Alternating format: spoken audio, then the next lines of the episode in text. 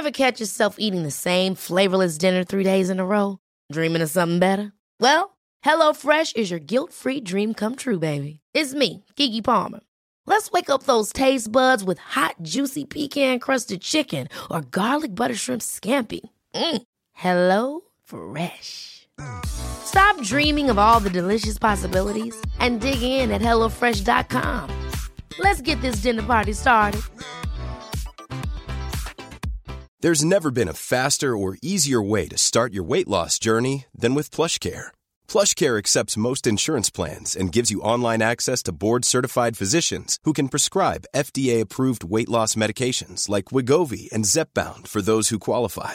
Take charge of your health and speak with a board-certified physician about a weight loss plan that's right for you. Get started today at plushcare.com slash weight loss. That's plushcare.com slash weight loss. plushcare.com slash weight loss. Quality sleep is essential. That's why the Sleep Number Smart Bed is designed for your ever evolving sleep needs. Need a bed that's firmer or softer on either side? Helps you sleep at a comfortable temperature? Sleep Number Smart Beds let you individualize your comfort so you sleep better together. JD Power ranks Sleep Number number 1 in customer satisfaction with mattresses purchased in-store. And now, save 50% on the Sleep Number limited edition Smart Bed for a limited time. For JD Power 2023 award information, visit jdpower.com/awards. Only at a Sleep Number store or sleepnumber.com. Ja, jag heter Axel. Sanna heter Sanna. Henrik heter Henrik. Och Navid Modiri heter Navidave Modirubin. Välkomna. Nice. Alltså Nave Rubin funkar ju också. Men det är, det är inte lika roligt. Det är liksom inte många, lika många dalar och berg. Liksom. Sant, sant. Du har mer komplex smak för humor Axel. Ja, precis. Tack. tack. Det värmer. eh, idag ska vi prata om olika saker. Stryk medhårs. Medhårs. Nej, men eh, jag har ju... Eh, jag vet inte, det finns säkert folk som har någon typ av eh, förväntningar eller förhoppningar eller farhågor om att det här kommer att vara två timmar när jag skriker åt Navid att han är en horung. Men jag tänker inte göra det. Dels för att jag är inte ens arg längre. Och sen så har jag också mitt nya koncept. Att vi ska ha en gäst som man kanske inte riktigt helt håller med. Det har jag ju berättat om förut. Och så ska vi hela tiden, det enda vi ska göra, det är att hitta common ground. Jaha, du gillade också Garbage Pail Kids i mellanstadiet. Jag med. Det är sant, det gjorde jag. Så där. En flying start. Kommer du ihåg vilket som var ditt favoritkort? Ja, men han med dragkedjan. Jag kommer inte ihåg vad han heter, men eh, Eh, som liksom, ja, huden är en dragkedja. Den var jävligt gory. typ Zipper Jack eller Ah, sånt exakt, det nog. exakt. Bra. Ja, men det här Kan varit. Jag bara spekulerar. visst, visst är innan jag, för jag först fattade jag, visst är det det här med de äckliga jävla figurerna som man fick Ja. i några jävla klistermärken och grejer. Ja. Ja. Mm, bra. Hockeykort fast äckliga. Oj. Ja. Mm, Alltså, det, var ju, det var ju hockeykort för mobboffer. Visst.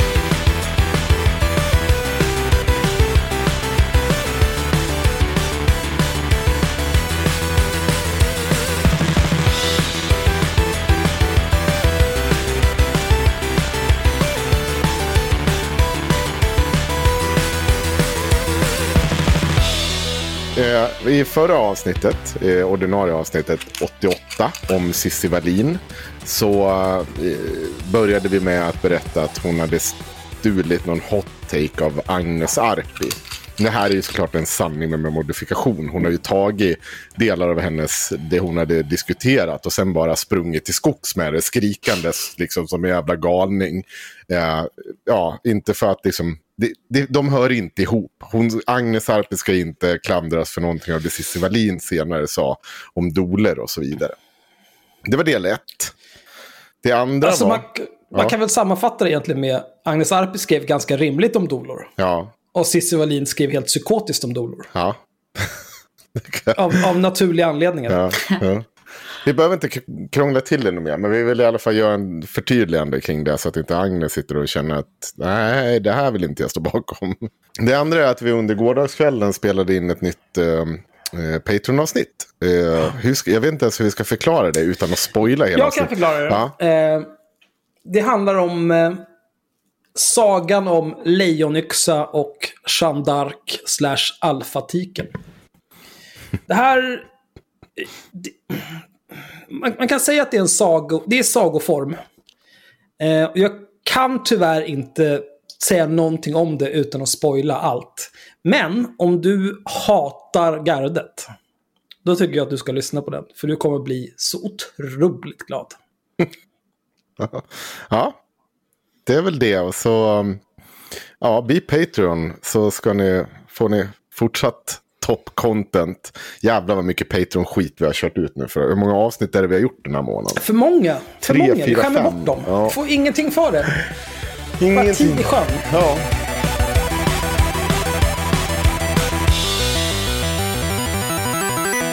Jag vet att det finns ett visst overlap mellan din core audience och vår. Eh, och det är framförallt de vidrigaste av de vidriga, centristerna. De som ser världen i svartvitt och som aldrig någonsin kan fatta ett beslut i sitt liv. Utan som bara kan säga Ja, det är tråkigt med nazister som slår folk i huvudet för att de är bögar. Men det är också tråkigt med folk som slår nazister i huvudet. Det är lika dåligt. De absolut sämsta människorna. Det är där vi överlappar. Men för, för de av vår publik som kanske inte känner till dig, kan du kanske presentera Vi dig har, själv vi har en annan overlap också. Alltså, Du vet, när, när 50 Shades of Grey kom så var det ju ingen som erkände att de hade läst den. Men det var ändå var det 20 miljoner sålda böcker. Mm. Det är lite samma där. Det är ju jävligt många vänstermänniskor som lyssnar på Hur kan vi? Men de skulle aldrig erkänna det. ja, det kan jag för tänka mig. Du är alltså vänsterns Mr Grey? Är det du säger, Hanna? Ja. Mm. Nå- Någon skulle vara det. Jag ringer polisen. Det var, det var jävligt kul för att jag satt, jag satt och fikade med Rashid Musa häromdagen. Och då Åh, frågade han mig... Eh, eller han frågade inte, han sa väl mer eller mindre. Ja men du som är höger. Och så sa jag, hur, hur, hur vet du det? du, du är väl vänster, är du inte? Ja, men det, det är ju det här som är, det, det, är som det här som är så jävla roligt. En kompis till mig frågade mig häromdagen eh, vad folk tror att jag är. Rent ideologiskt. Så jag att om du frågar vänstern så tror de nog att jag är höger på grund av hur kan vi. Och frågar du högern så tror de att jag är vänster. Kallar du mig just höger? Vad säger du? För, kallade du mig just höger? För det var jag, ja, jag hörde. Jag, jag, jag, jag har uppfattat dig som eh, vänster baserat på att du... Eh, jag har mig att du sagt någon gång att du kommer från vänster och dina gamla vänsterkompisar tycker att det du håller på med nu med hur kan vi är konstigt, att du pratar med folk som man inte får prata med och så vidare. Alltså mina gamla vänsterkompisar började filtreras ut redan när jag startade bolag. Alltså det var så, så här gammal skräpvänster från Göteborg som inte... Du, ens Som aldrig gjort ett hederligt handtag i sitt liv. Nej men typ. Så. Ja. Och, och för dem var det ju provocerande att jag skaffade F-skattsedel. Så att du fattar ju var nivån låg. Ja, men alla som är något har ju F-skattsedel, det är inga konstigheter. Ja. Det finns ju en anledning till att på min skärm så är jag och Navid vi är överst, Sanna och Henrik är under. ja, okej. Knappast Absolut. en slump. Absolut. Men, men, eh, nej, men så, så Rashid projicerade ju hejvilt eh, en massa eh, idéer om var jag stod politiskt. Och så, så frågade jag honom. Men du, kan du inte fråga mig var jag står i olika sakpolitiska frågor så får du bilda dig en egen uppfattning istället. Och ställde en massa frågor. Eh, och hans första fråga var ju så här, men vad, vad tycker du om skatt? Gillar du att betala skatt? Bara, ja, absolut. Va? Det är riktigt jävla pantad fråga. Absolut, det är klart jag gillar alltså, Jag gillar att betala skatt, speciellt om jag har så jag klarar mig. Då betalar jag gärna lite mer skatt. Jaha, okej. Men, det, men det är ju liksom, det är så... Svaret på den frågan är ju alltid meningslöst. För jag, jag skulle... Om jag skulle identifiera mig själv ideologiskt skulle jag säga att jag är vänster. Men jag hatar ju att betala skatt. Det är Ja. det värsta jag vet. Men samtidigt så tycker jag tycker mer om att bo i en civilisation än jag hatar att betala skatt. Så därför betalar jag skatt utan att hålla på och tjafsa om det. Men du, du, du är väl någon slags eh, smygvänsterlibertarian, är du inte det? Eh, alltså jag, jag pendlar mycket mellan... Eh, beroende på vi- vilken roll jag antar. Så när jag till exempel sitter med bokföring till mina flertal bolag. Oj. Då är jag rovkapitalist och vill att alla ska dö. Eh, folk som liksom...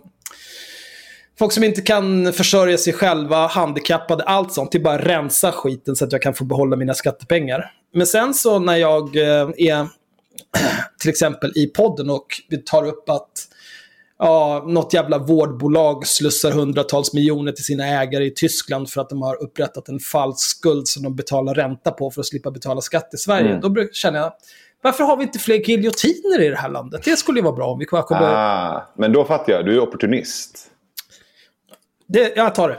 Jag tar det. Det, det kan ju också vara så här att eh, den definition man har av sig själv, det, det blir ju Galtan-skalan eller vilka olika typer av det du lägger till filter på det. Som, det finns ju hundra olika filter du skulle kunna lägga till på det.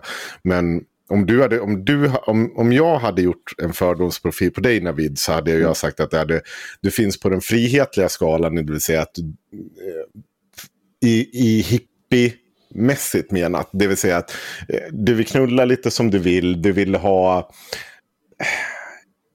Ja, leva med människor som du vill. Du vill liksom ha det gött och bara springa runt och prata med folk. Samtidigt som du en dag tänker att fan, det här med gängkriminalitet och sånt. Borde inte de få lite mer pisk? Så att, förstår du vad jag menar? Att eh, det är mer flytande över den frihetliga auktoritära skalan. Men ändå libcon, inte- liksom.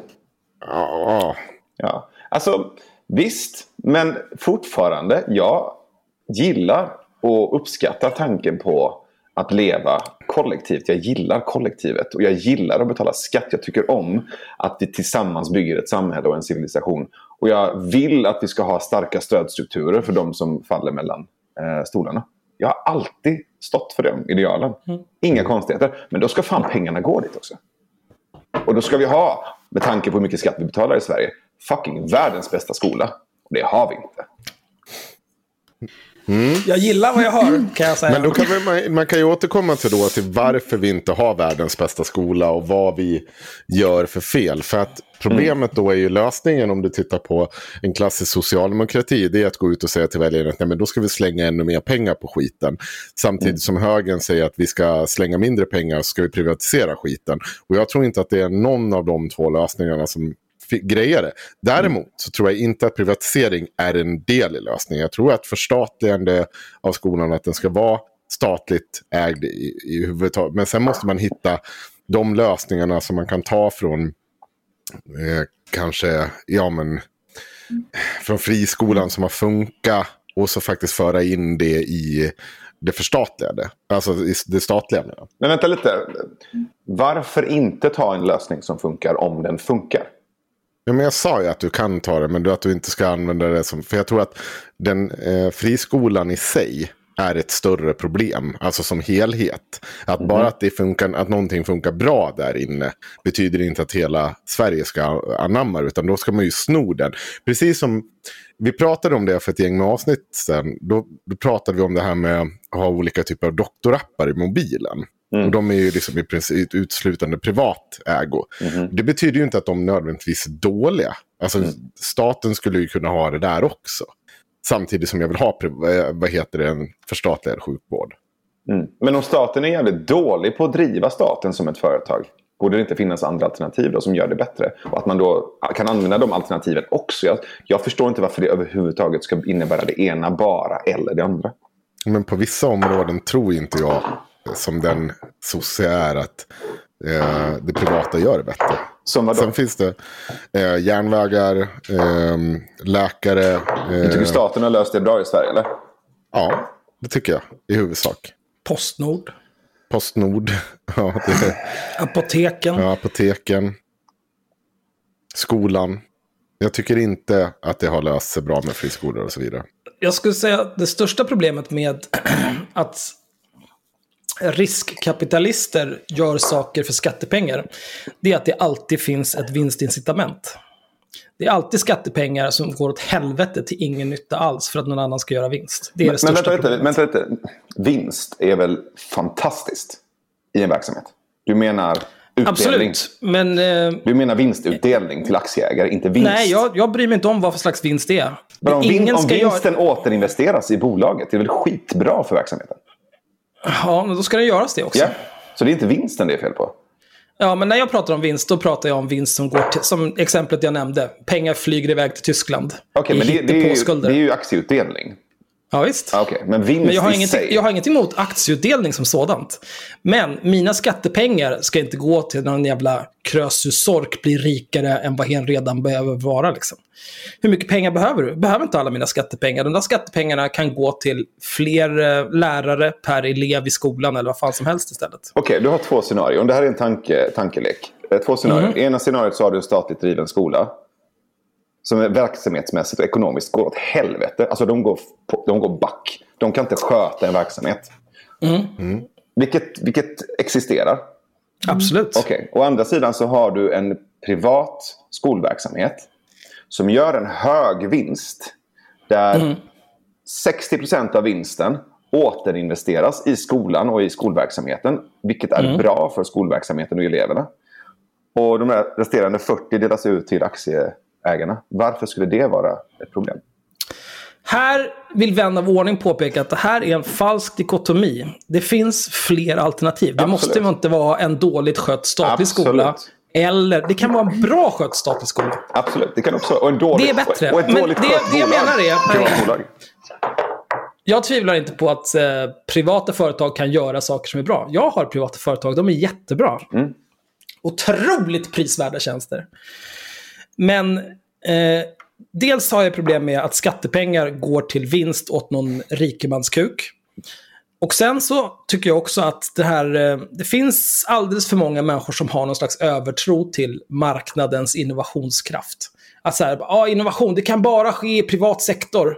Det kan aldrig någonsin fungera om det är statligt skött. Och det finns såklart problem med stat, landsting och kommun. Det är för att det är massa sävliga jävla människor som går runt i flip-flop-tofflor och aldrig har gjort ett hederligt handtag i hela sitt liv. Och de vet att de sitter säkert för det finns inget tjänstemannaansvar, de är bara apor. Men då löser vi det. Lösningen är inte att ha kvar de här kraschade institutionerna och istället börja kasta ännu mer pengar åt något annat håll samtidigt som vi har kvar den här skiten. Fair enough. Lös problemet bara istället. Fair enough. Jag, ser, jag ser inte nödvändigtvis att, att de behöver gå emot varandra heller. Absolut inte. Det var en bra presentation av dig Navid. Du satt och pratade med Rashid då. Vad, ska ni spela in nytt? Ja, han är inbjuden som gäst i podden. Så vi håller på att hitta ett datum till honom nu. Ehm, och eh, han ville ses innan, och det vill jag också. Bara ja, men, lära känna varandra, snacka lite skit och, och se vad vi skulle prata om. Ska vi prata om antisemitism? Det kommer vi absolut göra. Eh, vi kommer prata rasism. Och eh, begrepp som vithetsnorm och privilegier. eh, som jag tycker är jävligt intressanta att problematisera. Ehm, Det ska bli spännande. Vi kommer inte alls utvärdera hur du... För han, han kommer aldrig våga ställa upp i den här podden. Eh, Så att eh, tyvärr. Har vi ens, har vi ens försökt bjuda in honom? ni frågat Jag, vet inte, jag är superblockad av honom. Han. Ja, och, Han blockade mig för några år sedan också efter att ha kallat mig husneger. ja det, vi, vi, vi ligger nog pyrt i... Kallade han dig husneger? Han, han sa inte husneger, men eh, det var, han, han postade en bild på Samuel L. Jackson från Django Unchained. Ah, okej. Okej.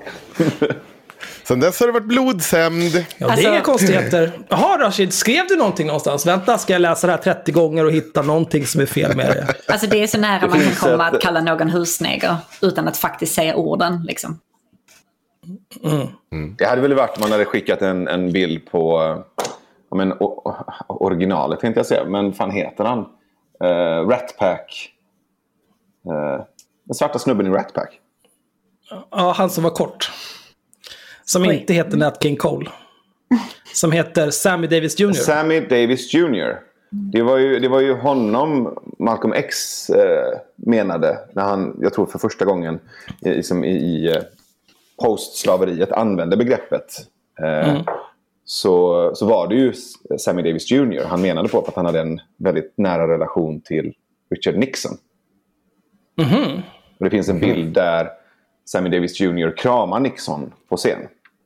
Eh, Och Malcolm Gladwell gjorde en, ett poddavsnitt om just den bilden, den relationen och begreppet husneger. Och var det kom ifrån och hur det användes och problematiserade verkligen åt båda hållen. Dels hur det används som, som slagträ från de som är inom citationstecken woke. Och visar på att men vi, vi har koll på hur, det, hur vart, vart eh, det progressiva ska ta vägen. Och han passade inte in. Men sen så problematiseras det åt andra hållet också när hela, hela avsnittet avslutas med att resten av Rat Pack eh, roastar Sammy Davis Jr. Och Dean Martin var ju någon slags roast, tidig så här, roast-general. Och varenda jävla skämt handlar om att han är svart. Och det, Ja, det är klart. och det är inte, det, det, det, det är inte kul ens de första fem minuterna. Och sen blir det bara mer och mer vidrigt.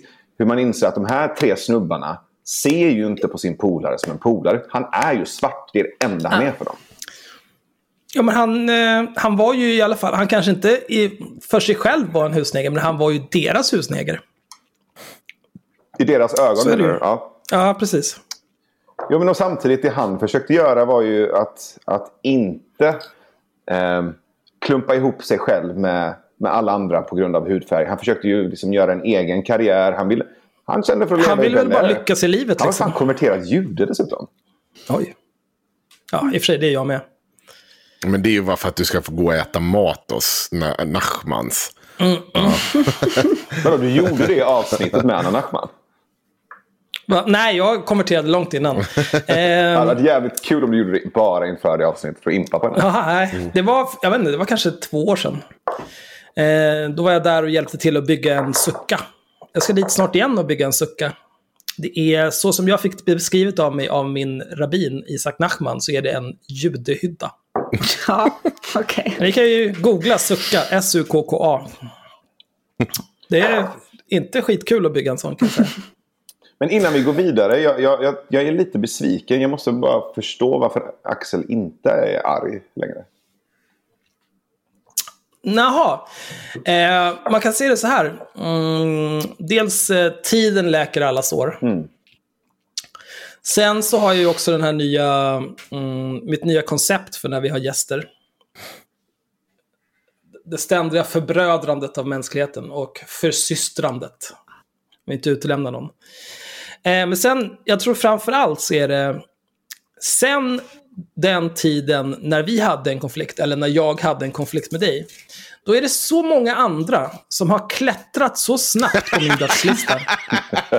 Så att det är, jag, har ingen, jag har ingen energi kvar till dig tyvärr. Det, det kommer ta mig år att beta av den. Ja, Okej. men ska vi försöka komma in på någonting typ av ämne nu? Så ska jag, Vi var ska ju på väg till USA-resan. Ja. Eh, Just det, för 20 vad- minuter sedan. kan, kan jag få börja med att fråga en fråga som inte gäller dig då? Bara. Hur är det att resa med eh, Aron Flam på en sån där resa? Jag har ju träffat Aron Flam. Eh, jag har också pissat på honom i offentligheten. Jag har också suttit med honom och haft ett jävligt trevligt samtal. Både före och efter och under eh, den podd vi gjorde. Eh, men hur är det att resa med honom på sån här, alltså, när, när du ska liksom umgås med honom i flera dagar? Hur funkar Alltså- dynamiken mellan alla er tre? Aron är en jävla mysbjörn. Alltså att hänga med honom privat är ju något helt annat än det du hör i podden, såklart. Det är ju personan Aron Flam, men Aron är ju jätte... Han är, han är ju mjuk och väldigt du vet, omtänksam. Och det är sådär, håller upp dörrar och ser till att alla har det bra. Men har du fått något att dricka? Han är ju väldigt artig och hövlig och, och kärleksfull mot allt och alla hela tiden. Och så går han omkring i det här jävla kråkslottet som vi har hyrt för hur mycket pengar som helst. Alltså nästa gång kommer ju Henrik Jönsson inte få bestämma vart vi ska bo. Nej men alltså på riktigt. Det gick så mycket pengar till det här jävla huset. Ehm, och, och Aron går ju omkring i en Spindelmannen-pyjamas hela resan. Eh, och vi försökte sova tillsammans en kväll. Jag vet inte riktigt varför. Men vi, vi provade att, att ligga i samma säng. Och det, jag, jag klarade ju två timmar. Sen bytte jag rum. Eh, så när han vaknade... Varför då? För att han snarkade så jävla mycket. Mm, så han snarkade hela natten och jag var tvungen att byta rum. Eh, så det är väl egentligen det enda negativa med att, att bo i samma hus som honom. För övrigt, men världens mysigaste kille. Har en helt magisk fästmö som var med där också. Eh, och sen, eh, sen så var det ju en speciell dynamik. Jag menar, jag, Aron och Henrik i samma hus i tre veckor i LA. Eh, det pågår ju samtal konstant. Och det var ju flera gånger, du vet, så här, klockan tre på natten i poolen när vi ligger där och är, lite söta i mustaschen. Och Aron och Henrik går loss på socialism. Alltså jag, jag sitter ju bara och gapar. Nej. Vilken mardröm. Nej, men det är, ju, det, är ju, det är ju en show. Det är ju en fantastisk, det är ju underhållning. Jag och mitt, mina liksom, eh, redaktionsmedlemmar, vårt team, vi sitter, vi sitter ju bara och tittar på de här två. Det är ju som, det är ju som två hyperversioner av de här två gubbarna i Mupparna. Men som har otroligt mycket att säga om samtidspolitik. Och har jävligt mycket eh, vettigheter och, och har läst hur mycket som helst.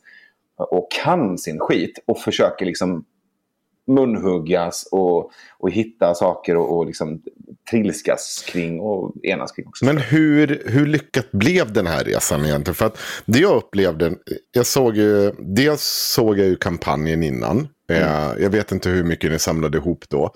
Men det, det kändes som det var väldigt lite content som kom ur den här resan. Det kändes som att det var... Det här var inte ens mitt elaka jag. Utan det, det verkligen var som att ni lyckades spara ihop till er den Bahamasresa vi har sagt att vi ska åka på. Bara för, liksom, för det vi har gjort med den här podden. Men jag, jag, jag missade liksom contentet som kom ur resan. Alltså det beror på vem du menar när du säger ni. Vi hade tre helt olika resor. Rent mm. eh, innehållsmässigt och professionellt. Vi gjorde ju 14 eller 15 avsnitt tror jag. Mm. Både video... Nej, det, nej, förlåt. Det var inte alls video. Det var bara podd i LA. Mm. Um, så 14-15 avsnitt. Och sen lite så här bakom kulisserna material. Plus att vi lärde känna en massa människor som hjälpte oss med att vi skulle åka tillbaka egentligen ganska snart in på och göra fler intervjuer. Men sen kom ju hela covid-situationen. Mm. Mm. Um, The Rona. Ja, så för min del, vi maxade ju verkligen resan med Hur kan vi-gänget. Eh, jag tror att Aron... Hur många äh, var ni som åkte i Hur kan vi gänga? Hur många tre. är ni då? Tre. Vi var okay. Då var vi tre som åkte. Mm. Mm. Får man ut någonting? Får, alltså får man i, i... Det här tror jag... Det här är ju... Får man ut någonting alltså, så här, i lön? Alltså, eller är det bara upplevelsen? Går man plus minus noll? Va, va, va, Menar du LA får... eller generellt i Hur kan vi? I, I LA, alltså när ni gör så här, ni, ni köper det här, eller hyr det här jättestora hus och allt. Nej, nej, alltså jag, vi gick ju dessutom back personligen själva. Okay. Så vi fick ju lägga ut massa extra eh, kostnader för, för mat och dryck. Men du vet, vi var ute och mm. käkade ute mycket och sådär. Men eh, eh, pengarna för podden, alltså det vi samlade ihop, gick ju till resa, boende, transport i LA. Mm. Mm. Okay. Men det här med att gå back. Eh, det känns som ett genomgående tema för vi? Nej, för mig personligen. Ja. Men var, varför fortsätter du? Varför jag fortsätter? Ja. Jag kan ju säga så här, när, när vi började med haveristerna, mm. eh, då fick vi... Eh, eh när vi hade typ en månad in mm. så gjorde jag om min Patreon till den Patreon vi har idag. Mm. Eh, och så gjorde vi reklam för dem. Och då fick vi ganska snabbt så många patrons så att det täckte de omkostnader vi hade, inte räknat tid. Mm. Men Sandcaster och Soundcloud och all den där skiten, det var inte ett problem. Eh, och det kände jag fine. Så det vi har gått back på är ju inte att vi har gått back på att vi har för höga omkostnader i själva podden. Utan de omkostnaderna har vi hela tiden täckt. Jag har ju gått back personligen för att jag inte tagit ut lön från podden. Och jag har lagt mer tid in i podden än vad jag kanske borde ha gjort. För att jag tycker att den är jävligt kul att göra och det är meningsfullt. Det är som en dyr hobby. Mm. Så jag la ju mer tid på podden än att vara ute och jaga föreläsningsuppdrag eller göra andra jobb. Och det förlorade jag en massa pengar på. Och så var jag tvungen istället ta från mitt sparkapital. Så jag gjorde ju slut på mitt sparkapital för att jag la för mycket tid på podden. Och sen fanns okay. det vissa, vissa effekter också. Jag vill inte vara den som ropar eh, cancel culture, för att jag tycker det är ett slarvigt begrepp. Men jag blev ju avbokad från jobb. Vilket gjorde att jag förlorade pengar för att jag gjorde podden. Jag förstår, jag förstår fortfarande inte varför... Varför vad? Varför jag fortsätter? Ja. Alltså även om du tycker att det är så här viktigt. Men jag menar... Axel, pengar... Om det kostar Axel, pengar. Axel, Nej, pengar är inte allt. Du måste, du måste komma ur det här. Pengar, det finns andra värden i livet, Axel. Du är ingen riktig vd, det har ju jag. Alltså du betalar pengar i månaden för att spela WoW. Alltså mer slösad tid finns ju inte, jag vet inte. Jo, absolut, men alltså, kan, finns det ett billigare beroende i världen än WoW? Nu, nu när Shadowlands kommer om en månad, 150 spänn i månaden, jag kommer spela minimum 12 timmar per dygn. Jag kan ju gå ut och kommer springa vara eller något. Life. Gratis. Varför? Jag kan springa i WoW. Springer fortare i WoW än jag Ah, någonsin my kan göra i verkligheten. obviously. Nej, förlåt. Det är klart du kan. Jag Du kan också springa en WoW. Mm. Men du, då, tar, då tycker jag vi hoppar på cancer culture. När vi ändå som... Ja, det- ja, ah, ah, ah, förlåt, förlåt. nej. Det här med... Ja, Om du, om de du blir avbokad på olika föreläsningsuppdrag. Har det vänt nu? Alltså, Så att nu, du nu har får ju hela, föreläsningsuppdrag hela, för att du har podden? hela, så här, hela talarbranschen har ju kraschat. Ja. Eh, Post-covid. Men också för att talarforum betedde sig som riktiga svin. Ska ni ge er in och gräva i någonting? Gräv i talarforum och hur de betedde sig nu under covid. Herregud vad det finns mycket skit där. Åh, det här blir jag glad av att höra. Så vill ni göra ett, ett grävligt skop som jag inte tror att någon riktigt har tagit tag i. Så kolla upp Talarforum. Ehm, och det som hände, som jag har förstått det, är att Talarforum har ju avtal som gör att om en eh, föreläsning uteblir eller avbokas på, på ett eh, icke-giltigt skäl. Då får uppdragsgivaren ändå betala typ 70 eller 80 procent av arvodet. Och då ska en viss del av de 70-80 procenten gå till talaren och resten gå till talarforum. När covid inträffade så var det ju jättemånga företag som då sa vi kan inte ta in den här föreläsaren för att det är farligt. Och då avbokade de de här föreläsningarna. Talarforum tog pengarna själva. Gav ingenting till talarna.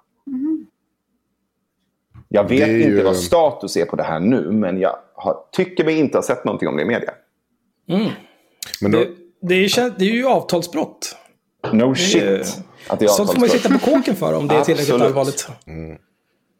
Det kan vi kolla på. Vi kan ju alltid Mm, fråga. ja, det ska vi absolut. Vad är det här? Och det är inte heller ett företag som, som, är, som är kända för att ha en sån här jätteskön företagskultur. Och det finns andra svinerier där i bakgrunden också. Eh, Jag tror ett tag la de på 100% på föreläsarens arvode gentemot kund. Oj. Girigt. Vad lägger du på Axel Ja. som... eh, När jag vad? När jag säljer data? Ja, när du säljer din tid till data. Konsult heter det, när du konsultar. För min kund, när jag startade... Jag jobbade ju där först via ett annat konsultbolag. Eh, och när jag startade eget, för att jag kände mig fistad, Ja. då gick jag ner i... eh, eller de betalade 9% mindre per timme. Jämfört med vad de gjorde när jag var anställd, de andra kukarna. Och jag tjänade ju mer för att det fanns inte någon i mellan som tog 30%.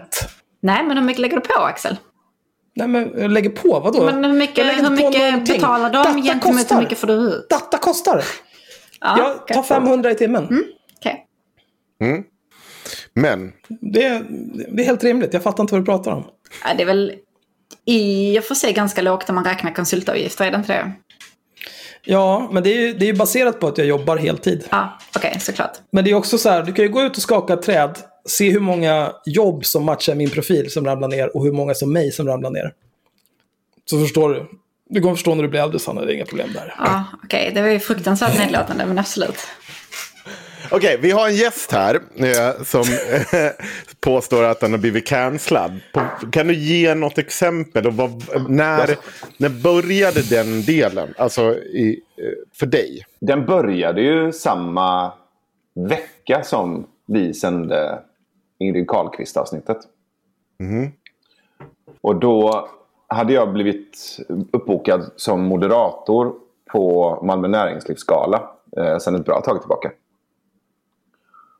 Och då hörde eventbolaget av sig och sa du nu, eh, nu är det oroligt i eh, korridorerna på Malmö stad. För Malmö stad är ju inte heller kända för att ha det helt chill med antisemitismen. Ehm, det är inte helt kosher mjöl i påsen om jag säger så. Ja, nej. Så eh, då ringer eh, vdn för eventbolaget som är en god vän till mig som, som har jävligt mycket ryggrad och säger det att vi står bakom dig. Eh, vi har bokat dig för att du är en jävligt bra moderator. Och vi kommer stå och falla med dig på det här. Om de avbokar dig så kommer vi att hoppa av där och så får de leta efter ett nytt eventbolag en vecka innan event. Och det gör de inte. Vilket är, det här, och det är ganska ovanligt skulle jag säga i Sverige att, att man, man beter sig så, att man jobbar på det sättet med så mycket hög integritet. Eh, och, och stå bakom någon istället för att så här, svansa efter eh, det som sägs eller, eller åka med eh, strömmen.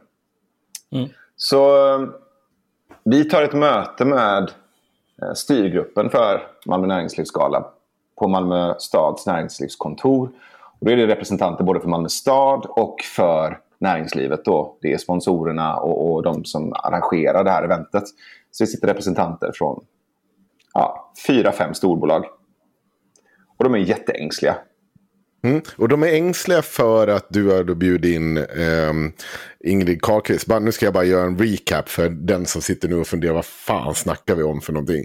Ingrid mm. Carlqvist blev inbjuden till din podd. Du sitter där och diskutera med henne. Vi kommer komma till vad du sa, men kritikerna menar på att du bara jönsade med henne och sa inte emot överhuvudtaget.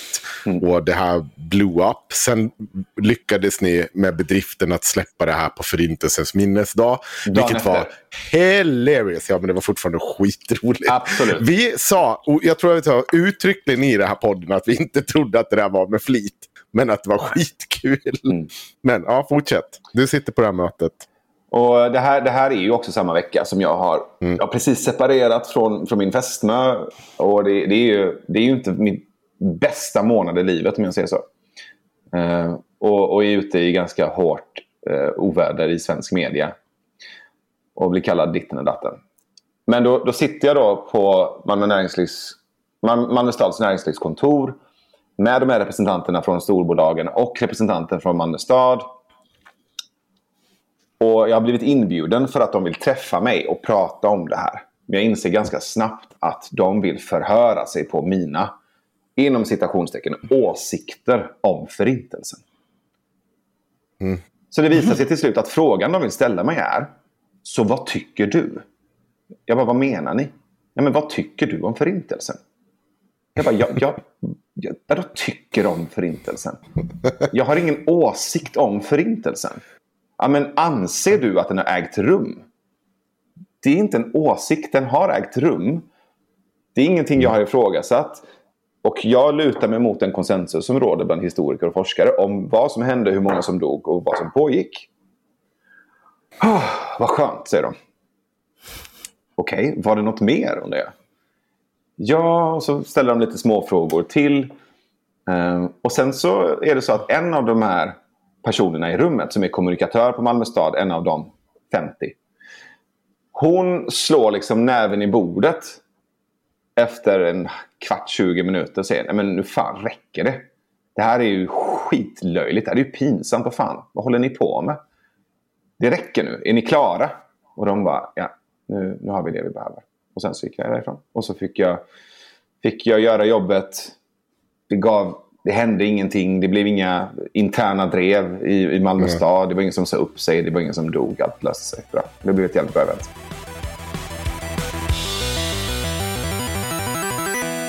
Jag har ju en eh, syn på eh, psykedelika och narkotika som inte helt stämmer, stämmer överens med den svenska nolltoleransen.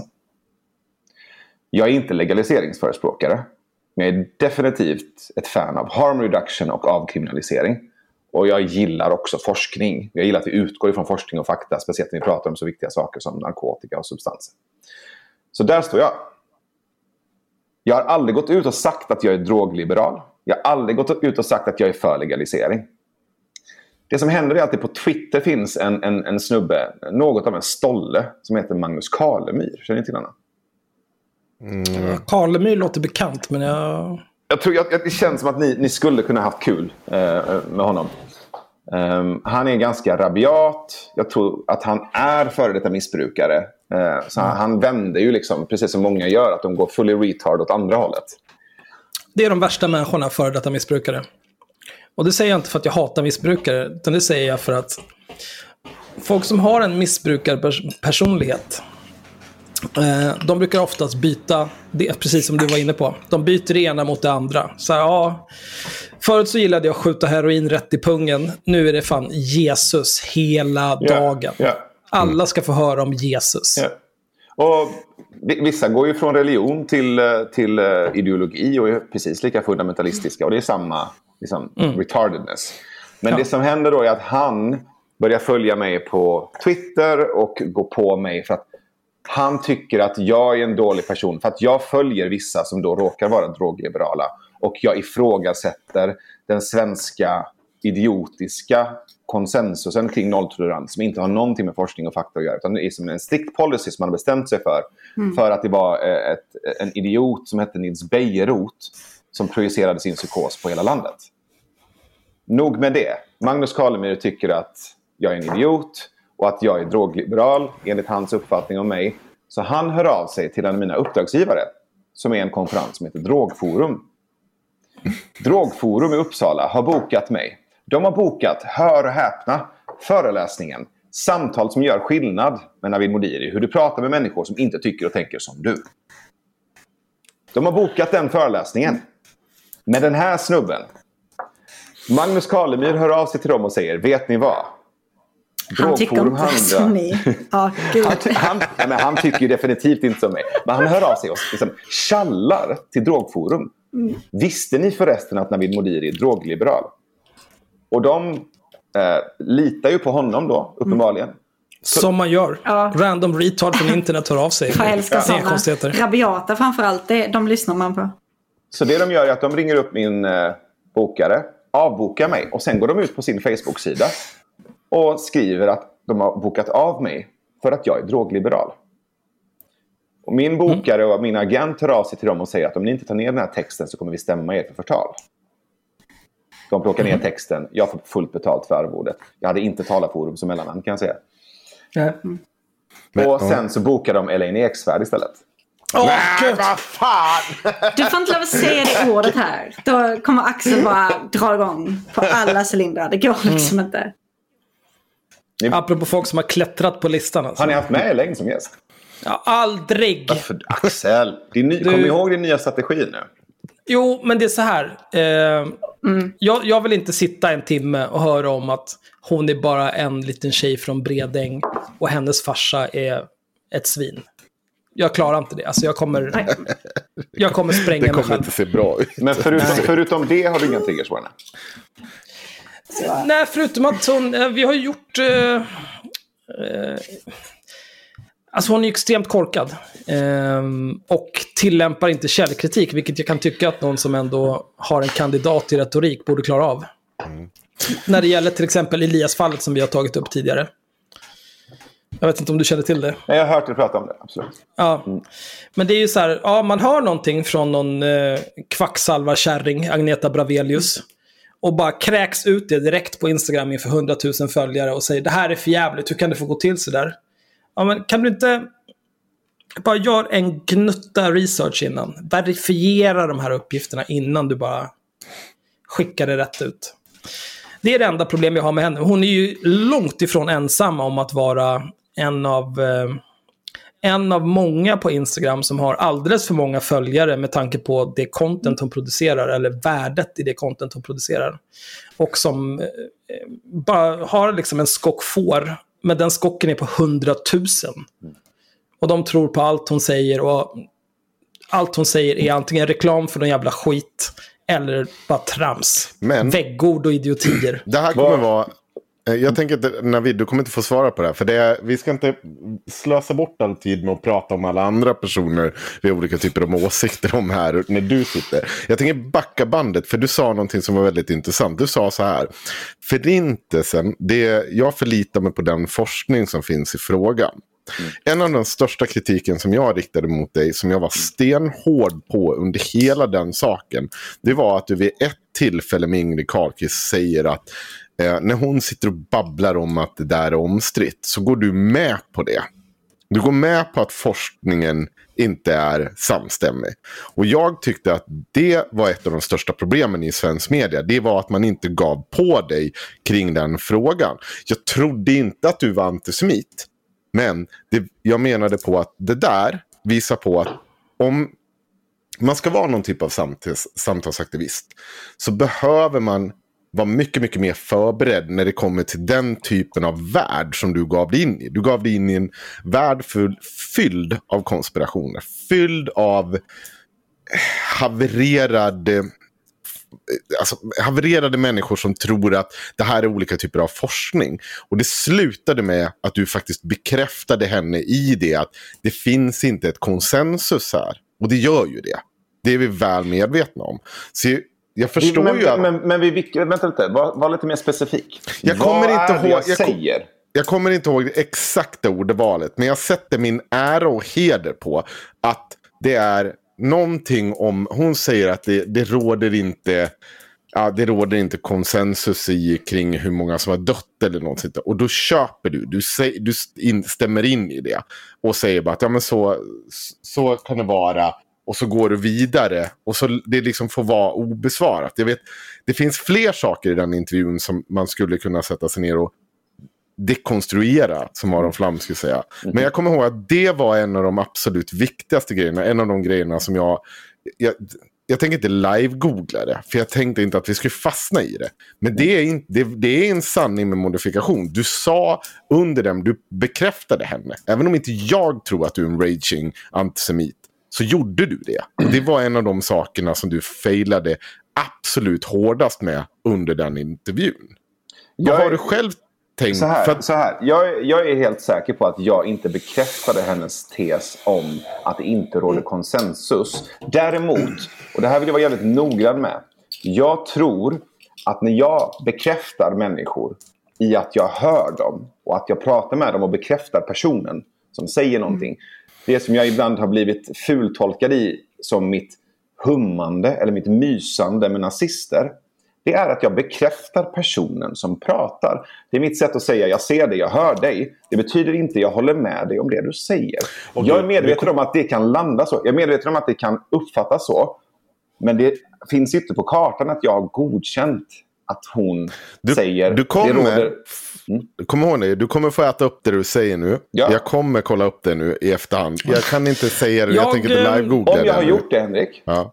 så kommer jag ge dig rätt att säga förlåt. Mm. Inga konstigheter. Vad skulle, vad skulle du säga förlåt Men- för? Att i så fall så har jag gjort det felet. Då kommer jag be om ursäkt för det. Mm. I, i, alltså i det här sammanhanget. Ja, ja. Men Henko, du sa Eh, att det blev inte så mycket media av det här. Ja, nej, Det är väl inte så här, det är inte sant. Det är en Nej, underdrift absolut inte. Det är en Det, så här, det, det vart det jättemycket media. Men det, Det är en lögn, oftast är det. ju så att vi... det, oftast är det så att det var mer så här att jag var förbannad på att det var inte själva sakfrågan att man inte skulle kunna bjuda in en nazist. Alltså det, folk körde i diket åt höger och vänster kring den frågeställningen. Du, vi, alltså Axel och jag har suttit och skrikit ihop med tre nazister där också. Frågan är, ett, du kan inte behandla det som vilket samtal helst, som helst och skylla på att det bara är ett samtal. Du kommer bli tvungen att stå för att det här när man pratar om att du lämnar en plattform till de här individerna. Nej, jag tror inte att det är jättemånga av de personerna som sitter på Navids podd och känner att eh, eh, nej men, eh, nu kommer jag bli en nazist och förintelseförnekare. Däremot, efter det samtalet kan jag tänka mig att det fanns både en och annan person som satt där i efterhand och tänkte att hon är ju inte så galen som hon har utmålats. För det fanns ingenting som, det fanns inte så mycket som skavde. Det fanns inte så mycket som att plocka fram de idéerna som faktiskt gör att hon beskrivs som en nazist. Som en förintelsenekare. Som en av Sveriges liksom mest framstående konspirationsteoretiker som har liksom levt i det här i, vad fan är det nu, 10-15 års tid. Det kom inte fram. Och det, det, det är fan, det i sig kan vara extremt allvarligt om du lämnar den liksom walkovern till dem att liksom framstå som faktiskt lite sundare än vad de faktiskt är. Och min poäng med att kunna föra ett sånt samtal utan att skrika och gorma på henne. Det är ju att kunna säga saker och kunna ifrågasätta henne. Men utan att kalla henne för galen kärring. Utan att liksom gå på henne på det sättet som kanske du eller, eller ni hade gjort. Och min poäng var ju att visa att det också är möjligt. Och sen så Alltså jag, jag, jag kan ju få hur mycket kritik som helst. Jag är ju alltid min egna största kritiker. Jag sitter ju och tittar på avsnitten i efterhand, speciellt de som får mycket kritik och mycket feedback. Och funderar på vad fan kan jag lära mig av det här? Vi sitter ju med redaktionen och tittar och vänder och vrider på både kritik och på avsnitt. Så att det, det, är klart att det finns en utvecklingskurva i det också. Hade jag gjort det avsnittet med henne idag och jag kommer ju göra ett avsnitt till med henne och Aron snart. Mm. Det är klart att jag kommer att göra det som Navid som har mm. som gått igenom det där. Alltså det I finns approve. ju såklart. Får jag bara säga så här, att det är, är det någonting jag approve of, det är när Aron sätter sig med Ingrid Carlqvist. För att jag vet att det kommer bli en underbar jävla shitshow. Det kommer inte bli folk som sitter och skriker. Men jag vet att det kommer bli väldigt, väldigt bra. För jag vet att Aron kommer slakta henne. Ja, han kommer såga sönder ja, han kommer såga henne sönder och samman. Och jag kommer tycka att det kommer vara så fantastiskt. Men han kommer inte såga henne så som folk föreställer oss att vi gör vid varje enskild fällde. Alla som har sett våra introduktion till att du ska vara med nu. De tror att vi kommer gå in med den här med inställningen att nu ska vi såga Navid med fotknölarna. Redan när du och jag pratade inför det här programmet sa jag att nej, så här kommer inte vi göra nu. För nu vill vi testa någonting annat. Mm. Vid tredje tillfälle så kommer vi såga folk. Vi kommer göra allt möjligt. För det, är liksom, det här är vår lilla lekstuga. Och man kan inte leva i en konstant konflikt. Ja, men allting handlar ju också om... När, vi, när du och jag, Henrik, pratade med John, John och Arminius. Mm. Det var ju det uttalade syftet att vi tar två nazister från Ingrid och Konrads Discord. Mm. Och så pratar vi med dem om nazism. Mm. Eh, och jag vet inte hur mycket jag drack den kvällen, men rätt mycket. Och jag minns att jag var jävligt förbannad till slut. Eh, och då blir det ju därefter. Och sen den gången vi hade med Lai Ahmed, det var ju bara för att han hade varit uppkäftig mot dig på Twitter. Mm. Och du, du hade ett och annat att säga honom. Jo, men det... eh, vi skulle ju kunna göra ett avsnitt med Ingrid Carlqvist och ha ungefär den här tonen som vi har i det här avsnittet, rakt igenom. Men eh, skillnaden tror jag skulle vara mm, med... Jag tolkar det så här, när du har ett samtal med någon, David. Du är intresserad av att de ska prata och öppna upp sig och provprata om olika saker. Eh, och så försöker du ställa ledande frågor om saker du vill att de ska prata om. Och det är fine. Men med en liksom komplett galning som Ingrid Carlqvist, då kanske inte riktigt det funkar. Men det, fin det, finns ju ehm. också, det finns ju också en aspekt av att falla på eget grepp. Och det var ju, jag, jag tror att jag kan till och med hitta printscreens på mail, eh, jag tror det var Facebook-meddelanden mest som jag fick efter Ingrid Carlqvist-avsnittet. Där i och med att jag lät henne prata till punkt och inte kallade henne för kärring och liksom avfärdade men, henne. Får jag säga en sak? Ja, men, in, nej, det nej. finns, det finns en, en grå zon mellan att kalla någon kärring och det samtalet som du gjorde. Det är ingen som säger, för att du, du sätter det till två ytterligheter. Det var ingen som säger att du behövde kalla henne kärring. Be, du behövde bara göra ett bättre jobb. Det, Nej, det, det är sant. Det är sant. Okay. Ja. Det handlar väl mer om att istället för så här, men Ingrid, din uh, psykotiska nazistkärring. Så istället säga, men Ingrid, det där du sa just nu, det är ju klockren antisemitism. Och min poäng där var ju inte heller att liksom, gå in i de etiketteringarna. Min poäng var ju att bara så här, låt henne prata till punkt. Och så får mm. lyssnaren och tittaren själv avgöra vad som är galenskap och vad som inte är galenskap. Jag fattar att det inte behöver godkännas eller liksom falla väl hem i alla läger. Men det var i alla fall den tesen som vi började med. Okay? Mm. Folk är för korkade för Nej, det. Här, det går inte. Det var, det var, vi fick ju också respons av människor som sa tack för att du lät henne prata till punkt. Nu inser jag att hon är en komplett galning. Det, de tyckte att men, nu fick jag höra hur sjukt det lät. Nu gjorde jag min egen bedömning. Jag slapp göra det via dig. Du behöver inte fostra mig när du ger mig kunskap. Du kan bara visa den, visa vad som händer och så får jag göra min egen tolkning. Mm. Så det var i alla fall poängen med det. För jag, också, jag kan tillägga att jag inte heller problem med det. Jag, jag har problem med att du även misslyckades med att när man gör den typen av intervjuteknik, för det är en, en intervjuteknik där man låter de här människorna ledas in i sin egen galenskap. Jag tyckte att du misslyckades i att leda in henne i de mörka vrår av vad hon har varit ute och liksom vråla in. Eh, på grund av brist på koll på den miljön. Så att du, när, när man gör den typen av att låta en person prata själv liksom, och berätta om alla sina olika typer av spektra av sitt eh, ideologiska tänkande och sånt där. Det du gjorde, du, du drog en, liksom, en sladd in där och så åkte du ut och så fick hon prata om det och så var det inte så mycket mer. Och det blev inte så mycket. Det är liksom en del av kritiken.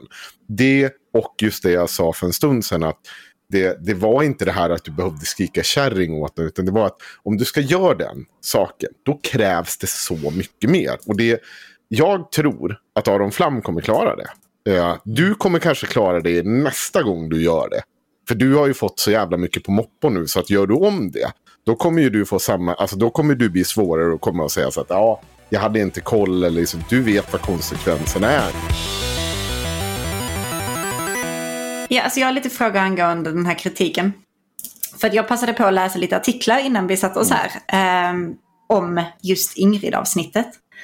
Och alltså, som de säger så fick du ju kritik för att du alltså, bidrog till att plattforma henne och att du normaliserade extrema åsikter och allt vad det nu är. För att du var för mjuk och lät henne gå oemotsagd.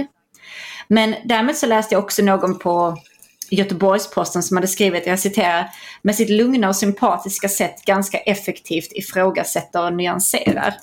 Och då är väl min fråga lite grann hur, hur du ser på den kritiken. Hur tycker du själv? För nu har Henrik varit väldigt vokal om vad han tycker eh, hur du lyckades här. Men hur tycker du själv att du lyckades? Um, och du sa att nästa gång du intervjuar henne eller pratar med henne så ska det vara som Navid nu och inte Navid för vad var det, nästan två år sedan du spelade in det första avsnittet. Hur, hur är den förändringen liksom?